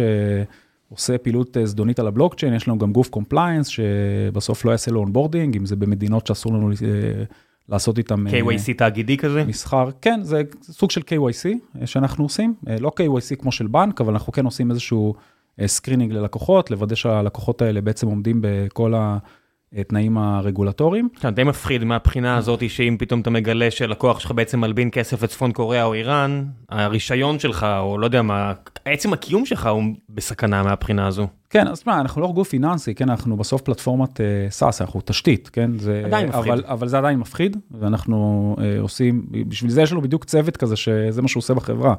הוא מנטר אחרי מה, מה הלקוחות עושים, עושים ו, ובעצם אם הם נמצאים בכל מיני blacklist כאלה, ואנחנו מקבלים גם רשימות מ, מכל מיני גופי אכיפה כדי לדעת בסוף האם לעשות onboarding, ל... האם אתה רוצה לעשות onboarding ללקוח, או האם אתה צריך לעשות לו offboarding. היו לקוחות ש... שביקשו פיצ'רים מיוחדים? Uh, תמיד יש uh, לקוחות שמבקשים uh, פיצ'רים לא, מיוחדים. לא, לא מדבר איתך, זה feature קייס UI, אני מדבר איתך, נגיד, אתה יודע, לאורך השנים נתקלתי בכל מיני חבר'ה, בלי לציין שמות, אני אגיד את זה כי פנו אליי כמה עם אותו רעיון, למשל לנצל את הבלוקצ'יין לבדיקות של אה, כלי תחבורה יקרים מאוד, זה יכול להיות או ספינות או מטוסים, למי שלא יודע, כל פעם שספינה הוגנת או מטוס נוחת, צריך כזה לעבור עם צטע פיזי, לסמן המנוע, בסדר, זה בסדר, זה בסדר, כי יש הרבה גופים שכל מטוס כזה, מישהו שילם עליו, בנה אותו במימון של בנק, הבנק רוצה לדעת לעשות הערכת שווי ל... לסירה או למטוס, ויש הרבה מידע שהגיוני לשים על משהו כמו בלוקצ'יין. למשל מישהו כזה היה בא אליך, אני רק אומר את זה כי אני יודע כמה חברות שהתעסקו כן. בזה, הוא היה צריך עכשיו פיצ'רים חדשים ממך. נכון. אה, תשמע, בגדול אנחנו כבר אה, לא סטארט-אפ קטן, כן? אז אנחנו... לא, אה, אתם שווים כמעט 10 מיליארד דולר, אז אני רוצה להאמין כן, שאתם לא אה, סטארט-אפ קטן. אנחנו לא סטארט-אפ קטן, יש לנו אה, קרוב ל-2,000 לקוחות, כן. אה, וכשאני מדבר על 2,000 לקוחות זה הרי לא, זה לא משתמשים פרטיים, כן? כולם גופים, אה, שחלק מהם גופים מאוד מאוד גדולים.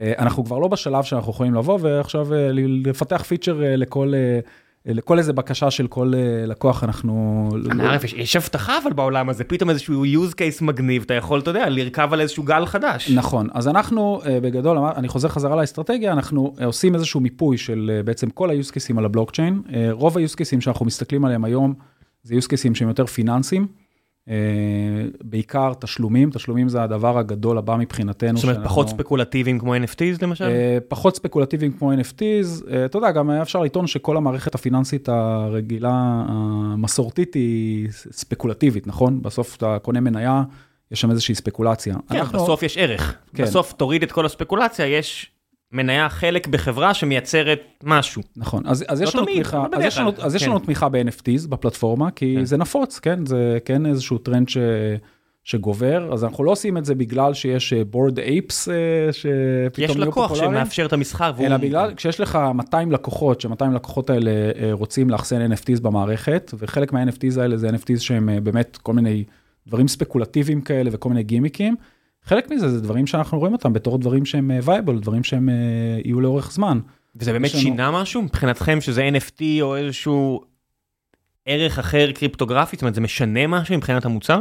אה, זה משנה כי כשאתה מוסיף אה, סוגי נכסים חדשים, אז אתה צריך להתמודד עם כל מיני דברים חדשים מבחינת איך אתה מציג אותם, אה, ואיך אתה אה, בונה security סביבם, כן, נגיד ה security סביב NFTs, הוא שונה מהסקיוריטי שאתה עושה אה, כדי להגן על אית'ריום וביטקוין. אתה יכול להסביר כן. למה? אה, כן, נגיד NFT, מה, מה זה NFT? NFT זה ראשי תיבות של אה, Non-Fungible Tokens, כן? זה בעצם יש להם מופע אחד.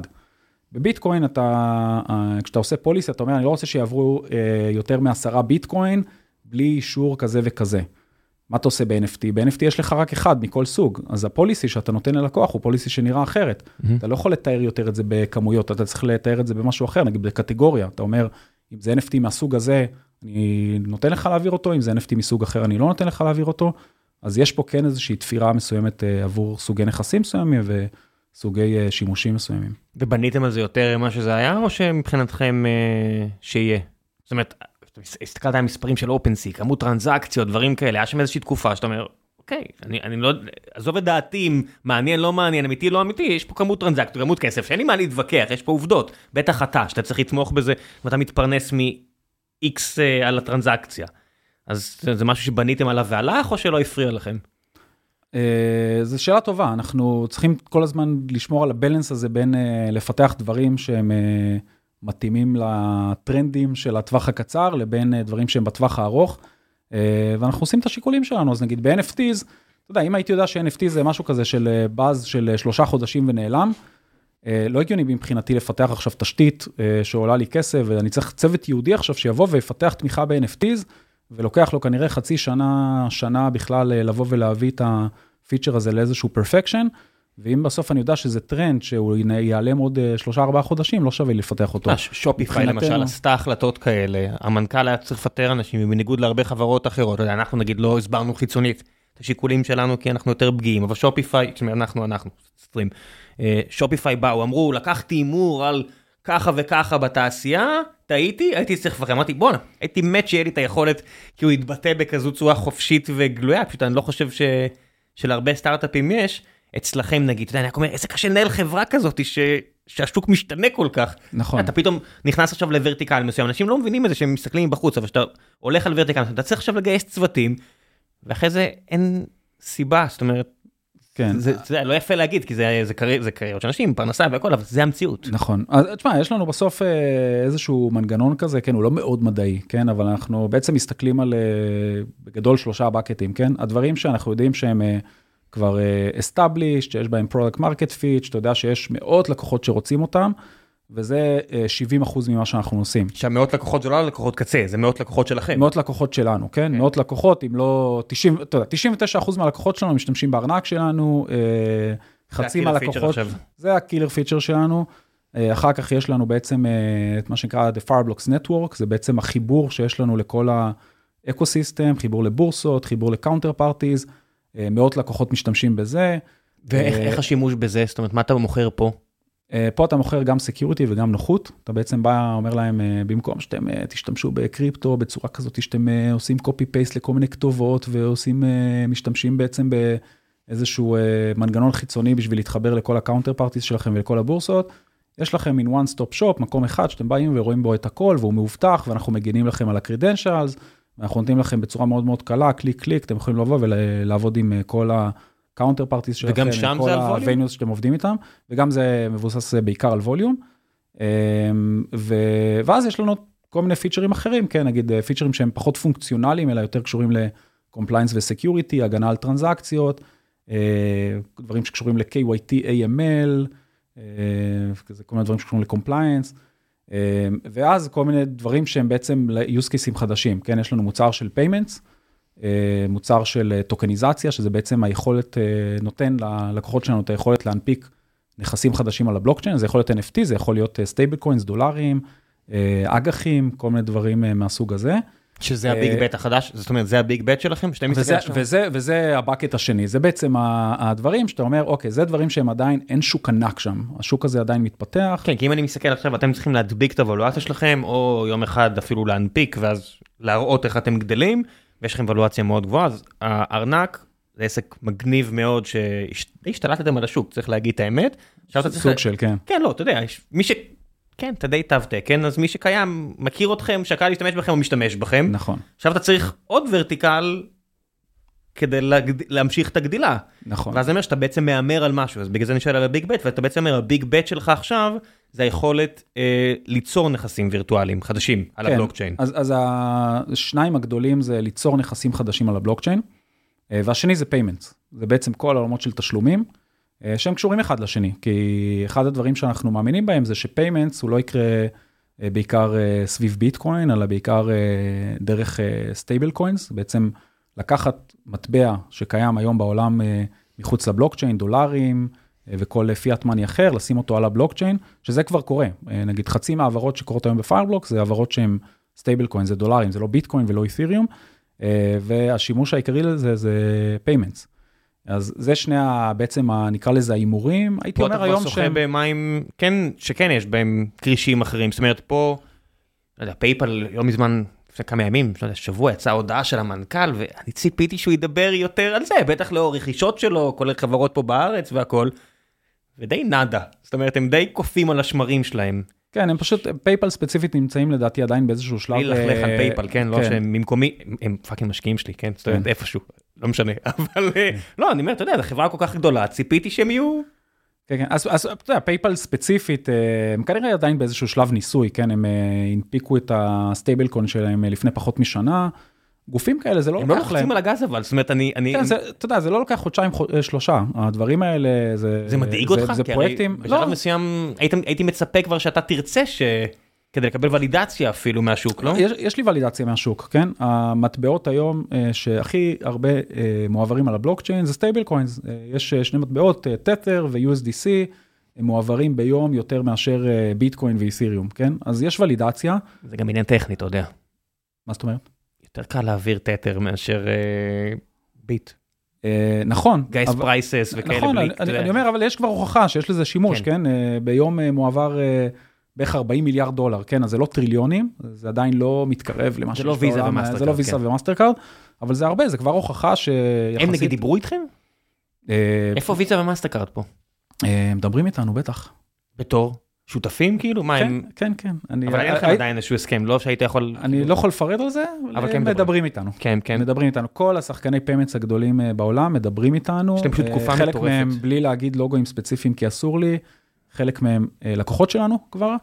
אה, אתה יודע, לקוחות הקצה עדיין לא רואים את זה במאות אה, מיליוני... כן, הם- הם חברות רגישות בצורה כן. קיצונית. הייתי פעם באיזה פגישה עם אחת מהאלה, ושילמתי עם כרטיס של השנייה. והסתכלו עליי יפה, אמרתי, "אה, אתם crazies. כן, ממש. כאילו, אתם הכי commodity בעולם, what the fuck is, אבל ברור שאני, אתה יודע. זה, כן, הם נורא... הן חברות רציניות מאוד. כן, כן. חברות אז- של מאות מיליארדים, זה לא לא צחוק הדבר כן, הזה. אז זה חברות מאוד מאוד גדולות שנכנסות לתחום הזה. אה, אני בלי, שוב, הלוואי שהייתי יכול לפרט יותר, אבל החברות האלה, אה, ועוד, אה, ויש כאלה שאני כן יכול להגיד, WorldPay נגיד, זה אחד ה-payment אה, service providers הכי גדולים בעולם. הם, מותר להגיד, הם לקוח שלנו. אז למה לא כבר- ללכת נגיד על ה... זאת אומרת, אז למה לא ללכת עוד שלב קדימה? חשבתם על זה או שאתם קטגורית פוסלים? אז כרגע אנחנו שחקן תשתית, כן, אנחנו, אה, כל האסטרטגיה שלנו זה בעצם לתת תשתית ולא להיות שחקן פעיל בעצמנו. אה, אנחנו לא מוכרים שירותי payments נגיד, אנחנו מוכרים שירותי payment infrastructure, תשתיות לחברות תשלומים, יש לנו היום מעל 100 חברות תשלומים על הפלטפורמה שמעבירות מיליארדים כל חודש בתשלומים אה, ב stable coins ובקריפטו. ואנחנו מספקים להם את התשתית והמטרה שלנו זה לא להתחרות איתם, המטרה שלנו זה לספק להם את התשתיות שהם צריכים. וזה עובד טוב, אה, זה מה שאנחנו יודעים לעשות. ובשלב הזה אתם כבר, אתה יודע, בלי להיכנס לפרטים, אבל אתה צריך לבחור עוד מעט הנפקה או לא יודע להתחיל לחלק דיבידנדים. בסוף, אתה יודע, בשווי כזה, העובדים מתחילים להיות לחוצים, גם אם תעשה עסקאות secondary, לא משנה מה, זה עדיין צריך לעשות איזושהי החלטה. זאת אומרת, זה לא, כשאני מסתכל מהצד, עדיין לא נראה כאילו פיירבלוקס החליטה. זאת אומרת, חברות שכן החליטו, די אה, עושות רעש שהם החליטו. הן מתחילות לזמזם החוצה לקראת ההנפקה הקרבה ובאה, אז אנחנו מיישר- מיישרים את השורות, אתה יודע, הם עושים, שמים ברווז עיתונאי כזה, כדי לראות איך השוק מרגיש. רדיט עשו את זה במשך שנה, שאין כבר הרבה הנפקות, אז עכשיו נורא נחמד, כי אתה רואה, זאת אומרת, הגופים הגדולים בטח מסתכלים עליכם ומתעניינים. אה, נכון, אז קודם כל קיבלנו החלטה, זה כן. שלא שומעים אותה בחוץ, אז אה, זה לא אומר שלא קיבלנו החלטה. בשנה הקרובה אנחנו לא נצא להנפקה, כן? אם היינו 12 יוצאים חודשים קרובים? ב-12 חודשים הקרובים, לא נצא להנפקה כנראה. לא שזה מחייב, היה פה לא אה, מזמן אה, מישהו שאמר שהוא לא ימכור את החברה והוא מכר את החברה, אני לא כועס עליו. כן, בדיוק, אז אני לא יודע, אתה יודע, אני- כמו שאמרתי, never say never, כן? כן. ה- צריך להתכונן, הס- זה לא משהו הסיפור זה שאנחנו כן מתכוננים להנפקה כחברה, כן, אנחנו, שאלת אם הבאנו אה, CFO, אז לאחרונה הבאנו CFO שהנפיק כבר אה, חברות, אז אתה יודע, זה איתות לשוק שאנחנו אה, מתכוננים לזה. אה, ואנחנו מסתכלים עכשיו הרבה יותר על אה, כל המטריקות שכל החברות הציבוריות אה, מסתכלות עליהן, על- אומר- על efficiency ועל... אז אתה רוצה עכשיו להכין תשקיף, למי אתה משווה את עצמך? זאת אומרת, אם העסק הראשי שלך זה הארנק והביג בט זה ה payment, אז למי אתה רוצה להידמות? אז זו שאלה טובה. קודם כל אנחנו חברת uh, אז אתה יודע, בקטגוריה הכי הכי, נקרא לזה רחבה שלנו, אנחנו משווים את עצמנו לחברות SaaS. Uh, אחרי זה בקטגוריית משנה uh, זה חברות שהן בעצם uh, פינטק, חברות שהן בעצם מספקות טכנולוגיות פיננסיות. ואז בתוך, אתה יודע, יש בתוך איזושהי sub קטגוריה שאין בה הרבה benchmark, שזה חברות שמתעסקות בעולם הנכסים הדיגיטליים, אה, עולם הבלוקצ'יין. שכמעט אין חברות אין ציבוריות כמעט חברות כאלה, כן, יש כן. את קוינבייס, אה, חברה מאוד מאוד שונה מאיתנו. אה, אז אז אתה לא יכול להשוות את עצמך לקוינבייס בשום צורה, כן, היא היא- כל כך B2C שזה... כן, אי אפשר. הדבר היחיד שדומה אה, לקוינבייס זה בעצם שגם אנחנו וגם קוינבייס בעצם מאוד מאוד מושפעים ממה שקורה ב- בשוק הקריפטו, בעליות והירידות שלו. מותר לך למכור את הדאטה, הרי קוינבייס בתור ה controller של הדאטה עושים הון תועפות, חברה ציבורית, אין לי בעיה להגיד את זה, כי הם סוחרים בדאטה. אין להם, אתה יודע, הם יכולים לעשות כל מה שהם רוצים עם הדאטה. אתה בתור sub controller על הדאטה, מותר לך? אני לא מוכר שום דאטה לאף אחד. אבל זו החלטה אסטרטגית או שאסור לך מפאת מקומך בשרשרת מזון? אה, היינו יכולים לעשות את זה, אה, אנחנו לא עושים את זה כהחלטה אסטרטגית. חלק מזה זה קשור לזה שאחד האלמנטים הכי מרכזיים שלנו ב brand זה בעצם ה trust. זה שלקוחות יודעים שהם סומכים עלינו, אנחנו מספקים להם את ה security ואת ה compliance, וחלק מזה זה גם להגיד להם, תשמעו, אתם אה, בטוחים איתנו גם מבחינת הדאטה שאתם שומרים אצלנו, ואנחנו לא הולכים לסחור את זה ואנחנו לא הולכים להעביר את זה לאף אחד, אלא אם, אתה יודע, במסגרת החוק. בא אליי אה, law enforcement ואומר לי שאני צריך לתת לו את הדאטה, אנחנו לא מוכרים דאטה. כן, זה, זה, זה עולם אחר, זה צו, זה לא מכרת ואף כן, לא שאל- בדיוק, אף זה לא בגלל שואל שאני. רוצה, זה בגלל שאני צריך. כן, אלא אם כן אתה אפל, אתה לא אומר לא ל-FBI, יש מעט מאוד חברות שיכולות בכלל לתת fight, זה לא אתה. נכון, לא מה. לעשות? אה, אז כן, זה, זה, זה עניין מעניין, כי אתה רואה עכשיו חבר'ה של קארטה נגיד שדרכו על הקקי הזה ומשלמים על זה עכשיו ביוקר רב. נכון. אתה לא משחק עם הבטחות שלך ללקוחות, על, על אה, הבטחת מידע, על privacy של דאטה. בדיוק. טוב, הרבה אתגרים. בוא נעשה קצת שאלות מן הקהל אה, שחיכו לך, אה, ולפני שנגיע לשלב השאלות מן הקהל, איך התמודדתם עכשיו עם התקופה האחרונה? התקופה האחרונה, אתה מתכוון בארץ, כן? לא, לא, אני בכוונה מתרחק מזה, אתם חברה בינלאומית אז אני אתרחק מזה. כל ה... אתה יודע, הרכבת הרים הזו של 2022, 2023, 2024. אתה מדבר הנפקה אחרי שגם אתם פיטרתם עובדים, אחרי שגם אתה היית צריך אה, להתייעל וכל מיני כאלה, ואתה איך מתמודדים עם זה? כן, אז תשמע, ב-2022 זה היה שנה, 2021-2022, זה היה שנתיים מדהימות, כן? צמחנו בצורה מטורפת כחברה, כן? הגענו ל-600 עובדים תוך ארבע ומשהו שנים, זה צמיחה מטורפת. גם ולואציה, גם כמות עובדים, הייתם בטופ... ולואציה, כמות עובדים, כמות כן. לקוחות, כן? כמות לקוחות אדירה. אנחנו יצאנו באמצע 2022, כבר היה לנו בערך פי 10 לקוחות ממה שהיה לנו באמצע 2021, כן? זה ממש פי 10 לקוחות, הכל, הכל גדל. איפה שיש משקיעים עכשיו שמביאים כיף אחד לשני, רק כשהם שומעים את זה. כן, אז זה היה מדהים, כן? 2023 הייתה מן הסתם שנה שהצמיחה בה הייתה יותר איטית, כן? היה קשה לצפות את זה גם, כן? בנינו את החברה מתוך זה שב-2023, הצמיחה ת, תמשיך בערך באותו... been there, done that, כן, איזה טעויות נוראיות. כן, אבל צמחנו. כן. הדבר המפתיע, ואני חושב שזה מאוד מאוד מאוד חריג בשוק, ב-2023 צמחנו כחברה. צמח, יש לנו יותר לקוחות, יש לנו יותר הכנסות מסוף 2022. היו לקוחות ו... שנעלמו? היו לקוחות שנעלמו. לא, לא כי הם עזבו אתכם, פשוט מתו. היו לקוחות שמתו. היה מלחיץ? קצת מלחיץ, כן? כאילו, אתה, בהתחלה אתה מנסה להבין בכלל למה לקוחות אה, עוזבים אותך, אם זה עוזבים אותך כי הם לא אוהבים אותך, או כי הם אה, פשטו רגל. מסתבר שהיו לקוחות כן. שאו פשטו רגל, היו לקוחות שהחליטו שהם סוגרים את הפרויקטים שלהם בעולמות הנכסים הדיגיטליים. אנחנו מדברים על שנה ש-First Republic והבנק בקליפורניה שכולכם הכרתם אם אתם יזמים, מתו. זאת אומרת, נכון. בתקופה כזאת כל אחד התחת שלו היה על הגריל. נכון. Uh, הדבר המדהים שנעשה זה שההחלטה שלנו מלפני uh, שנתיים, שבעצם שאנחנו מגוונים את השוק, uh, ההשקעות הבץ האלה שדיברנו עליהן, הוכיחו את עצמם, כי ב-2023 הם בעצם uh, אפשרו לנו uh, לגדר בעצם את הסיכון שיש לנו בירידה קצת של קריפטו, ובעצם לצמוח בעולמות החדשים האלה.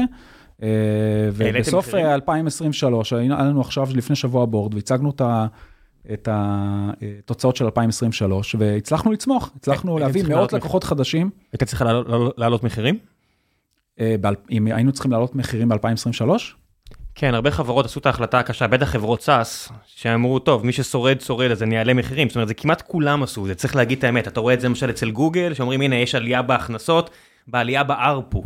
אתה אומר, אוקיי, יש עלייה ב-annual revenue per user, אבל לא כי יש יותר יוזרים, או כי משהו השתנה, אלא כי הם פשוט העלו מחירים, זה בסדר, זה טבעי. אה, לא, לא עשינו איזשהו שינוי מהותי בתמחור שלנו. אה, אתה יודע, עשינו כל מיני שינויים במודל תמחור, אבל בלי קשר לתקופה. אה, עשינו דווקא משהו הפוך, כן? התחלנו לעבור בתור חברה למודל של PLG, שעד אז בעצם... אתם PLG? כן, כן, אתה יכול היום ללכת לאתר, לגייס כרטיס אשראי ולהיכנס. בתור מה? וזה לאו דווקא בגלל שאתה איזשהו גוף קטן, שני אנשים בגראז' שרוצה להתנסות בפיירבלוקס, גם אם אתה גוף גדול, אתה innovation lab באיזשהו בנק, אתה לא בהכרח רוצה ישר לסגור עסקה של 300 אלף דולר, אתה אומר, אני, אני לא רוצה אותנו. כי אז אני אצטרך לערב את האנשים שמאייתים אותי ומפריעים לי. נכון, בדיוק, אז אתה אומר, אני אקח את הכרטיס אשראי, אני אתנסה קצת, ואני אוהב את המוצר, ואז אני אגדל איתו. שוב המודל ו... של ווליום, ואז... אה, כן, וזה מודל של ווליום, אבל מודל בעצם שהוא מתחיל בעצם איזשהו פיקסט קוסט כזה, אפפרונט אה, בסיסי כזה. איך אתה עושה KYC ללקוח במצב הזה? אז uh, אתה, יש לנו עדיין compliance אוטומטי כזה שמנטר אחרי לקוחות, אנחנו משתמשים בכל מיני מערכות שעושות את זה. אנחנו לא גוף פיננסי, אנחנו לא צריכים לעשות KYC של להגיד לך, בוא, שלח לנו את כל הדוחות שלך וכל זה, אתה... אל תעליב, עשיתי כזה. כן. הייתי צריך לעשות כזה, זה נורא ואיום. גם מערכות אוטומטיות שעוזרות לנו ומצפצפות לנו, זה מספיק טוב ל... יש פה חבר'ה של צ'ק שהיו פה, ולפי פרסומים זרים, טוויטר הולכים להשתמש, יש חברות שזה הייעוד שלהם. כן, אז אנחנו מנטרים אחריהם, בשביל זה אמרתי, יש לנו צוות כזה שעושה את זה, אמ, אנחנו לא חייבים לעשות את זה כשאתה עושה onboarding, אנחנו יכולים לעשות את זה גם קצת אחרי זה. זה ישתלם, ה-PLG? אה, אז אנחנו עדיין בתוך הניסוי הזה של ה-PLG, אה, רבע מהלקוחות שלנו אה, כבר עושים onboarding בצורה הזאת. היה לכם בכלל marketing? איך אתה עושה PLG? כאילו מי עשה לכם בכלל את ה marketing? הרי בשביל PLG... אז כל הדבר הזה קורה בלי marketing בכלל. בלי marketing, זה היה ניסוי... מי עושה SEO? זה היה בלי מרקטינג, זה היה inbound לגמרי, אורגני, אורגני, אורגני לגמרי. אורגני לגמרי. word to mouth של הלקוחות? עשינו את זה כניסוי, בכלל לא רצינו שלקוחות יגיעו, אמרנו בוא נסתכל על ה-conversion rate, ננסה להבין כזה איך זה עובד, אם לקוחות בכלל מצליחים. לא יודע, אני לא זוכר. כאילו, זה- זה- זה די מעניין שאתה עושה PLG כחברה שעושה B2B, פתאום מצטרפים איזה שני יוקלים, כמו שאתה אומר באיזה, לא יודע מה, בנק בקנדה, לא יוקלים במובן הזה, זה פשוט אנשים שאתה לא מכיר אותם, ופתאום מתחילים להשתמש. כן. הכניסו כרטיס אשראי, זה די מגניב. כן, זה די מגניב ש- שעושים את זה, ומגניב שזה גם עובד, כן? יש ו- איזשהו דשבורד שמראה את הדבר הזה? ברור, יש דשבורד להכל. ה- הבעיה היחידה היא שזה מתחיל כל כך בקטן, שאתה לא רוצה ללכלך את המספרים הגדולים נכון, שלך. נכון, בדיוק. אז אני אומר, אז יש לנו בסוף אה, איזשהו gating כזה שאנחנו צריכים לעשות ולהגיד, אוקיי, אנחנו נותנים ללקוחות הקטנים האלה, מה אנחנו לא נותנים ללקוחות הקטנים האלה, נכון, אתה צריך לבוא ולהתחיל להתעסק ב tiering אם ולהגיד, אתה אוקיי, מדבר יש... איתי על הנפקה, אז אני, לא יודע, כמשקיע פוטנציאלי, הייתי דואג שאתם מאבדים פוקוס פה. זאת אומרת, אם יש לכם עסק שמכניס מאות מיליונים, ויש לכם עסק שמכניס מיליונים בודדים, הייתי מודאג שהעסק שמכניס מיליונים בודדים לא ייקח לך את התשומת לב. נכון, אז אה, כרגע זה לא לוקח, כאילו, דווקא כל הרעיון שם זה בעצם אה, גם לשרת לקוחות גדולים, להגיד, אה, נעביר את הכל לכמה שיותר self service. פיירבלוקס היא בכלל, היא לא חברה שהיא enterprise sales כזה קלאסי, אנחנו מאוד mid market, זאת אומרת, אנחנו לא, לא משרתים את ה... אה, משרתים חלק מהבנקים הכי גדולים בעולם, אבל זה לא החלק העיקרי של הלקוחות שלנו, ואנחנו גם אה, היום קלאסית לא משרתים אה, את ה... two engineers in the garage, אנחנו תמיד כזה איפשהו בין לבין. אז אה, שני דברים שקרו כזה במקביל, זה אחד, הגיעו אלינו לקוחות מאוד מאוד גדולים, כי יש לנו היום brand, אז פתאום מגיעים לך כל הלוגויים הכי גדולים בעולם ורוצים לעבוד איתך. גרטנר שמו לכם כבר קטגוריה או שזה עדיין לא שם? אה, אני חושב שזה יגיע בשנה הקרובה. מה, אה, אורגנית? אורגנית או לא אורגנית, כן? אנחנו, אנחנו בעצם ממציאים קטגוריה, כן? אנחנו המצאנו את כן, הקטגוריה זה עבודה להמציא קטגוריה, ישב כן. פה, לא יודע, מעידן הרשקוביץ' מקייטו נטוורקס, זה עבודה שלו בתור ה chief כן. marketing שם, הוא אומר, אני הייתי צריך להמציא קטגוריה בגרטנר, והוא מסביר איך זה עבודה של שנים. כן, אז אנחנו המצאנו קטגוריה, אה, בגדול הקטגוריה שאנחנו נמצאים בה זה הקטגוריה של אה, אה, ניהול נכסים דיגיטליים, זו הקטגוריה שאנחנו שולטים בה. אין את המילה אבטחה שם. אין שם את המילה אבטחה. בעיה, גרטנר אוהבים את המילה אבטחה. כן, לא יודע, נראה, כשנצטרך להתמודד עם גרטנר, אה, לא יודע, מגיע אלינו עכשיו chief marketing officer חדש, אה, לא יודע, היא בטח תתמודד עם זה ועם כל השאלות האלה.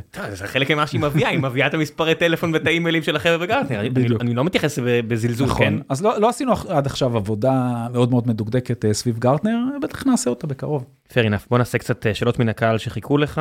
אמ, אלעד תמיר שואל, מה הסיכוי שממשלות ייתנו למטבעות קריפטו לחיות? מה האינטרס שלהן?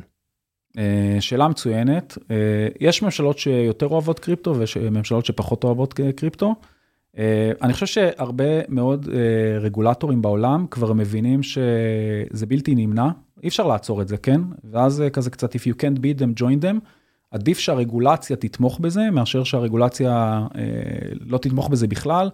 ואז בעצם מה שיקרה זה שעולם הקריפטו עדיין ימשיך לעבוד, אבל הוא ימשיך לעבוד בלי רגולציה. ואנחנו, דרך אגב, אנחנו אוהבים זה שיש, אנחנו אוהבים שיש רגולציה בקריפטו, אנחנו אוהבים את זה שממשלות ומדינות ורגולטורים אומרים מה אפשר לעשות ומה אי אפשר לעשות, כי בסוף עם זה אתה יכול לבוא ולהגיע לגופים שהם יותר מיינסטרימים ולהגיד להם, זאת הרגולציה, זה מה שמאפשר לך לעבוד בעולם הזה, ואנחנו רואים שזה קורה בכל העולם, כן, בארצות ערן יעקב הברית. שמוביל את המס הכנסה פה בישראל אה, יבוא עוד מעט שוב לספר גם על זה זאת אומרת הייתה איזושהי החלטה מודעת של ישראל מבחינת רשויות המס הוא ניהל את רשות המס שהוא אמר אתה יודע לא רוצה לא רוצה לא רוצה אוקיי עכשיו אני חייב. אז בוא אני אקיף את עצמי באנשים שאשכרה מבינים את זה ובוא נראה איך אנחנו מתמודדים עם זה כי אם אתה אומר אני לא מתמודד עם זה אז הרבה אנשים אה, יגנבו אותך מה לעשות. נכון, אז, אז אה, נגיד יש בארץ אה, את פורום חברות הקריפטו ואנחנו חלק ממנו, ואנחנו עובדים עם הרגולטור בארץ כדי כזה בעצם לעדכן את הרגולציה, וזה קורה בכל העולם, באירופה כבר יש רגולציה שהיא די מתקדמת, וגם בחלק מהמדינות באסיה, בסינגפור רואים את זה. ניו יורק עשו חיים קשים. בניו יורק, בארצות הברית, המצב קצת שונה. יש שם שתי רגולציות, יש הרבה רגולטורים בארצות הברית, זה חלק ממה שמבלבל. יש רגולטורים שמאוד מאוד תומכים בקריפטו, ורגולטורים אחרים שעדיין ככה נמצאים איפשהו על הגדר. אה, אני מאמין שבשנה, שנתיים הקרובות זה יסתדר, הנה עכשיו אישרו את כל ה-ETFים לביטקוין, זה כבר איזשהו צעד בכיוון. אה, רואים שהרגולטור עובד על זה. הרגולטורים בארצות הברית הם בדרך כלל יותר שמרניים, לוקח להם זמן כזה להבין מה קורה. אה, והם ידביקו את הפער, אני מאמין, תוך שנה-שנתיים. הם, הם באמת שומרים על הכלכלה שלהם, שזה חלק עצום מהכלכלה שלהם, ועל היציבות העולמית. אה, מה לעשות? יש להם, יש להם הרבה אחריות. כן, מה- והם גם מה- מבינים שאם הם לא יתקדמו מבחינה רגולטורית, יהיו מדינות שכן יאפשרו את זה, ואז בעצם ארה"ב כבר לא תהיה חלק מהמשחק הזה, וזה הולך להיות משחק גדול.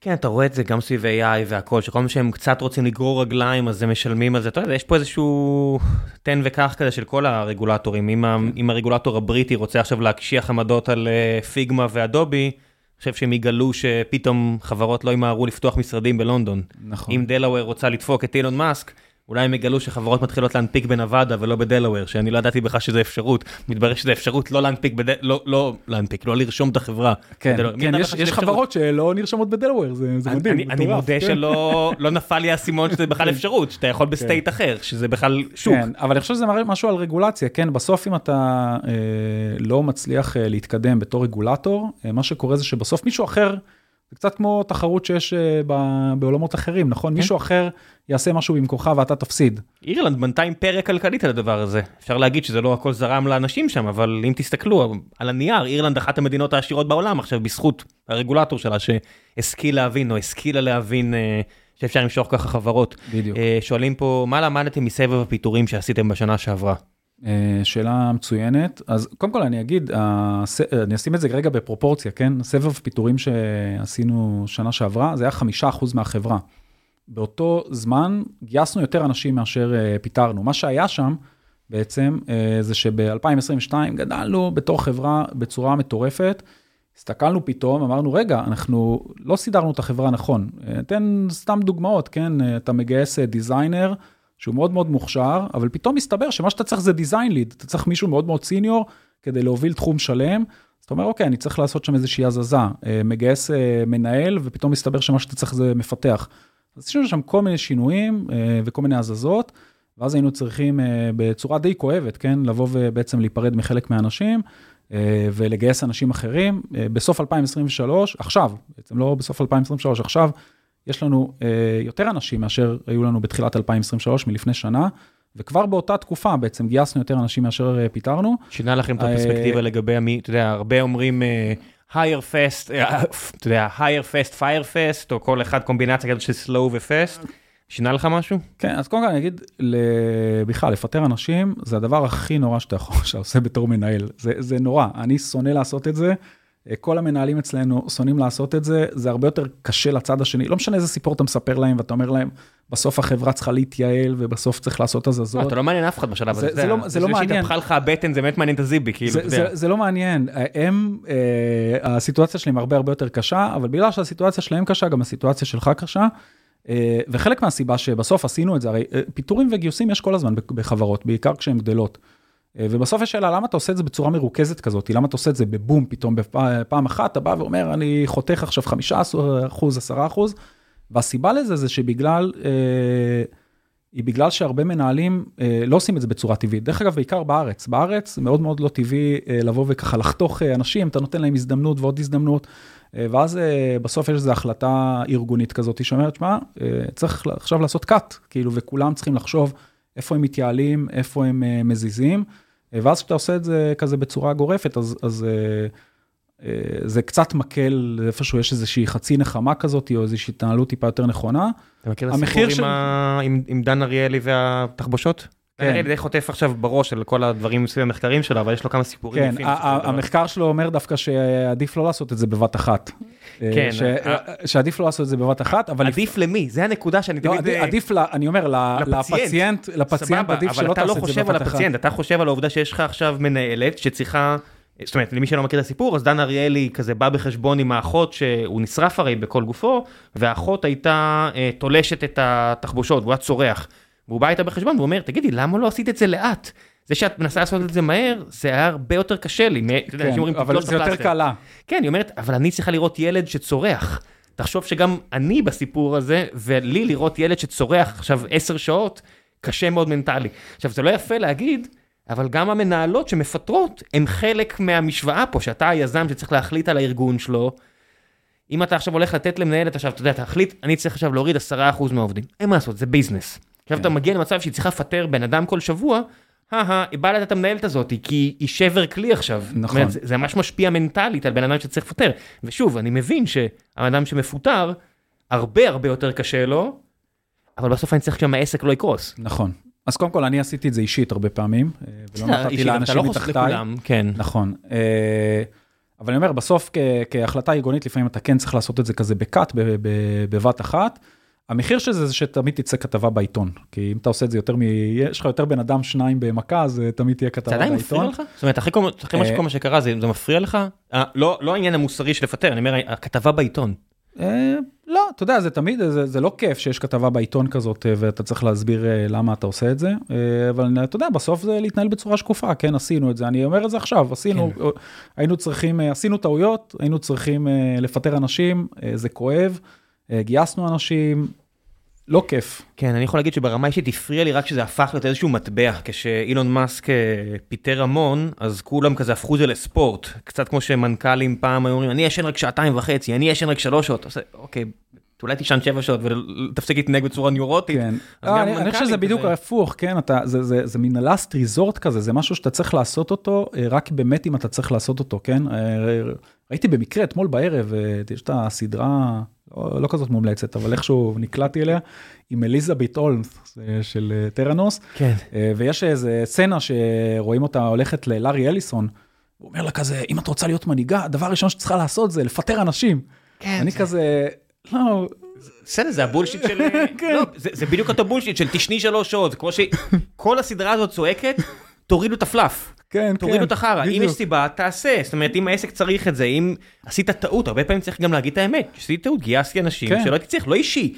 או שטעיתי בגיוס, אין התאמה, או שפונקציות שלא הייתי צריך, או שמיהרתי כי ניסיתי, כי חשבתי שהשוק הולך להתפוצץ וטעיתי. בסוף זה מתחיל מזה נכון, שהחברה טעתה שכנראה שהיא זה גייסה בדרך כלל כי מלכתחילה. החברה טעתה, כי גייסה זה- לא נכון, היא צפתה משהו אחר, אה, ואתה צריך לתקן את זה. כאילו, זה חלק מהתיקונים שחברה צריכה לעשות. כן, אם כבר הלקחים הם גם אה, לא לגייס, זאת אומרת, אני מסתכל אישית, זאת אומרת שהרכבת הרים הזאת זה, זה בכל זאת לקחת הזמן עם גיוס, גם אם זה כן. קשה ופתאום אתה צריך למהר. בדיוק. אז אה, נכון, השאלה הייתה מה למדנו מזה. כן. אז למדנו מזה שהיום אנחנו אה, מגייסים בצורה הרבה הרבה יותר מבוקרת ומתוכננת. בכלל, אני, הפילוסופיה שלי זה לנסות לעשות כמה שיותר עם כמה שפחות אנשים.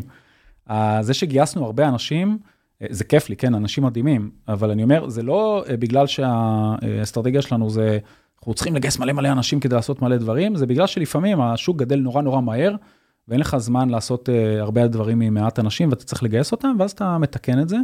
היום אנחנו מנסים להיות הרבה הרבה יותר מבוקרים, ובאמת לדעת ולשאול את עצמנו כל פעם לפני שאנחנו מגייסים, האם אנחנו מגייסים את הבן אדם הנכון, לתפקיד הנכון. זה לדעתי הלקח העיקרי.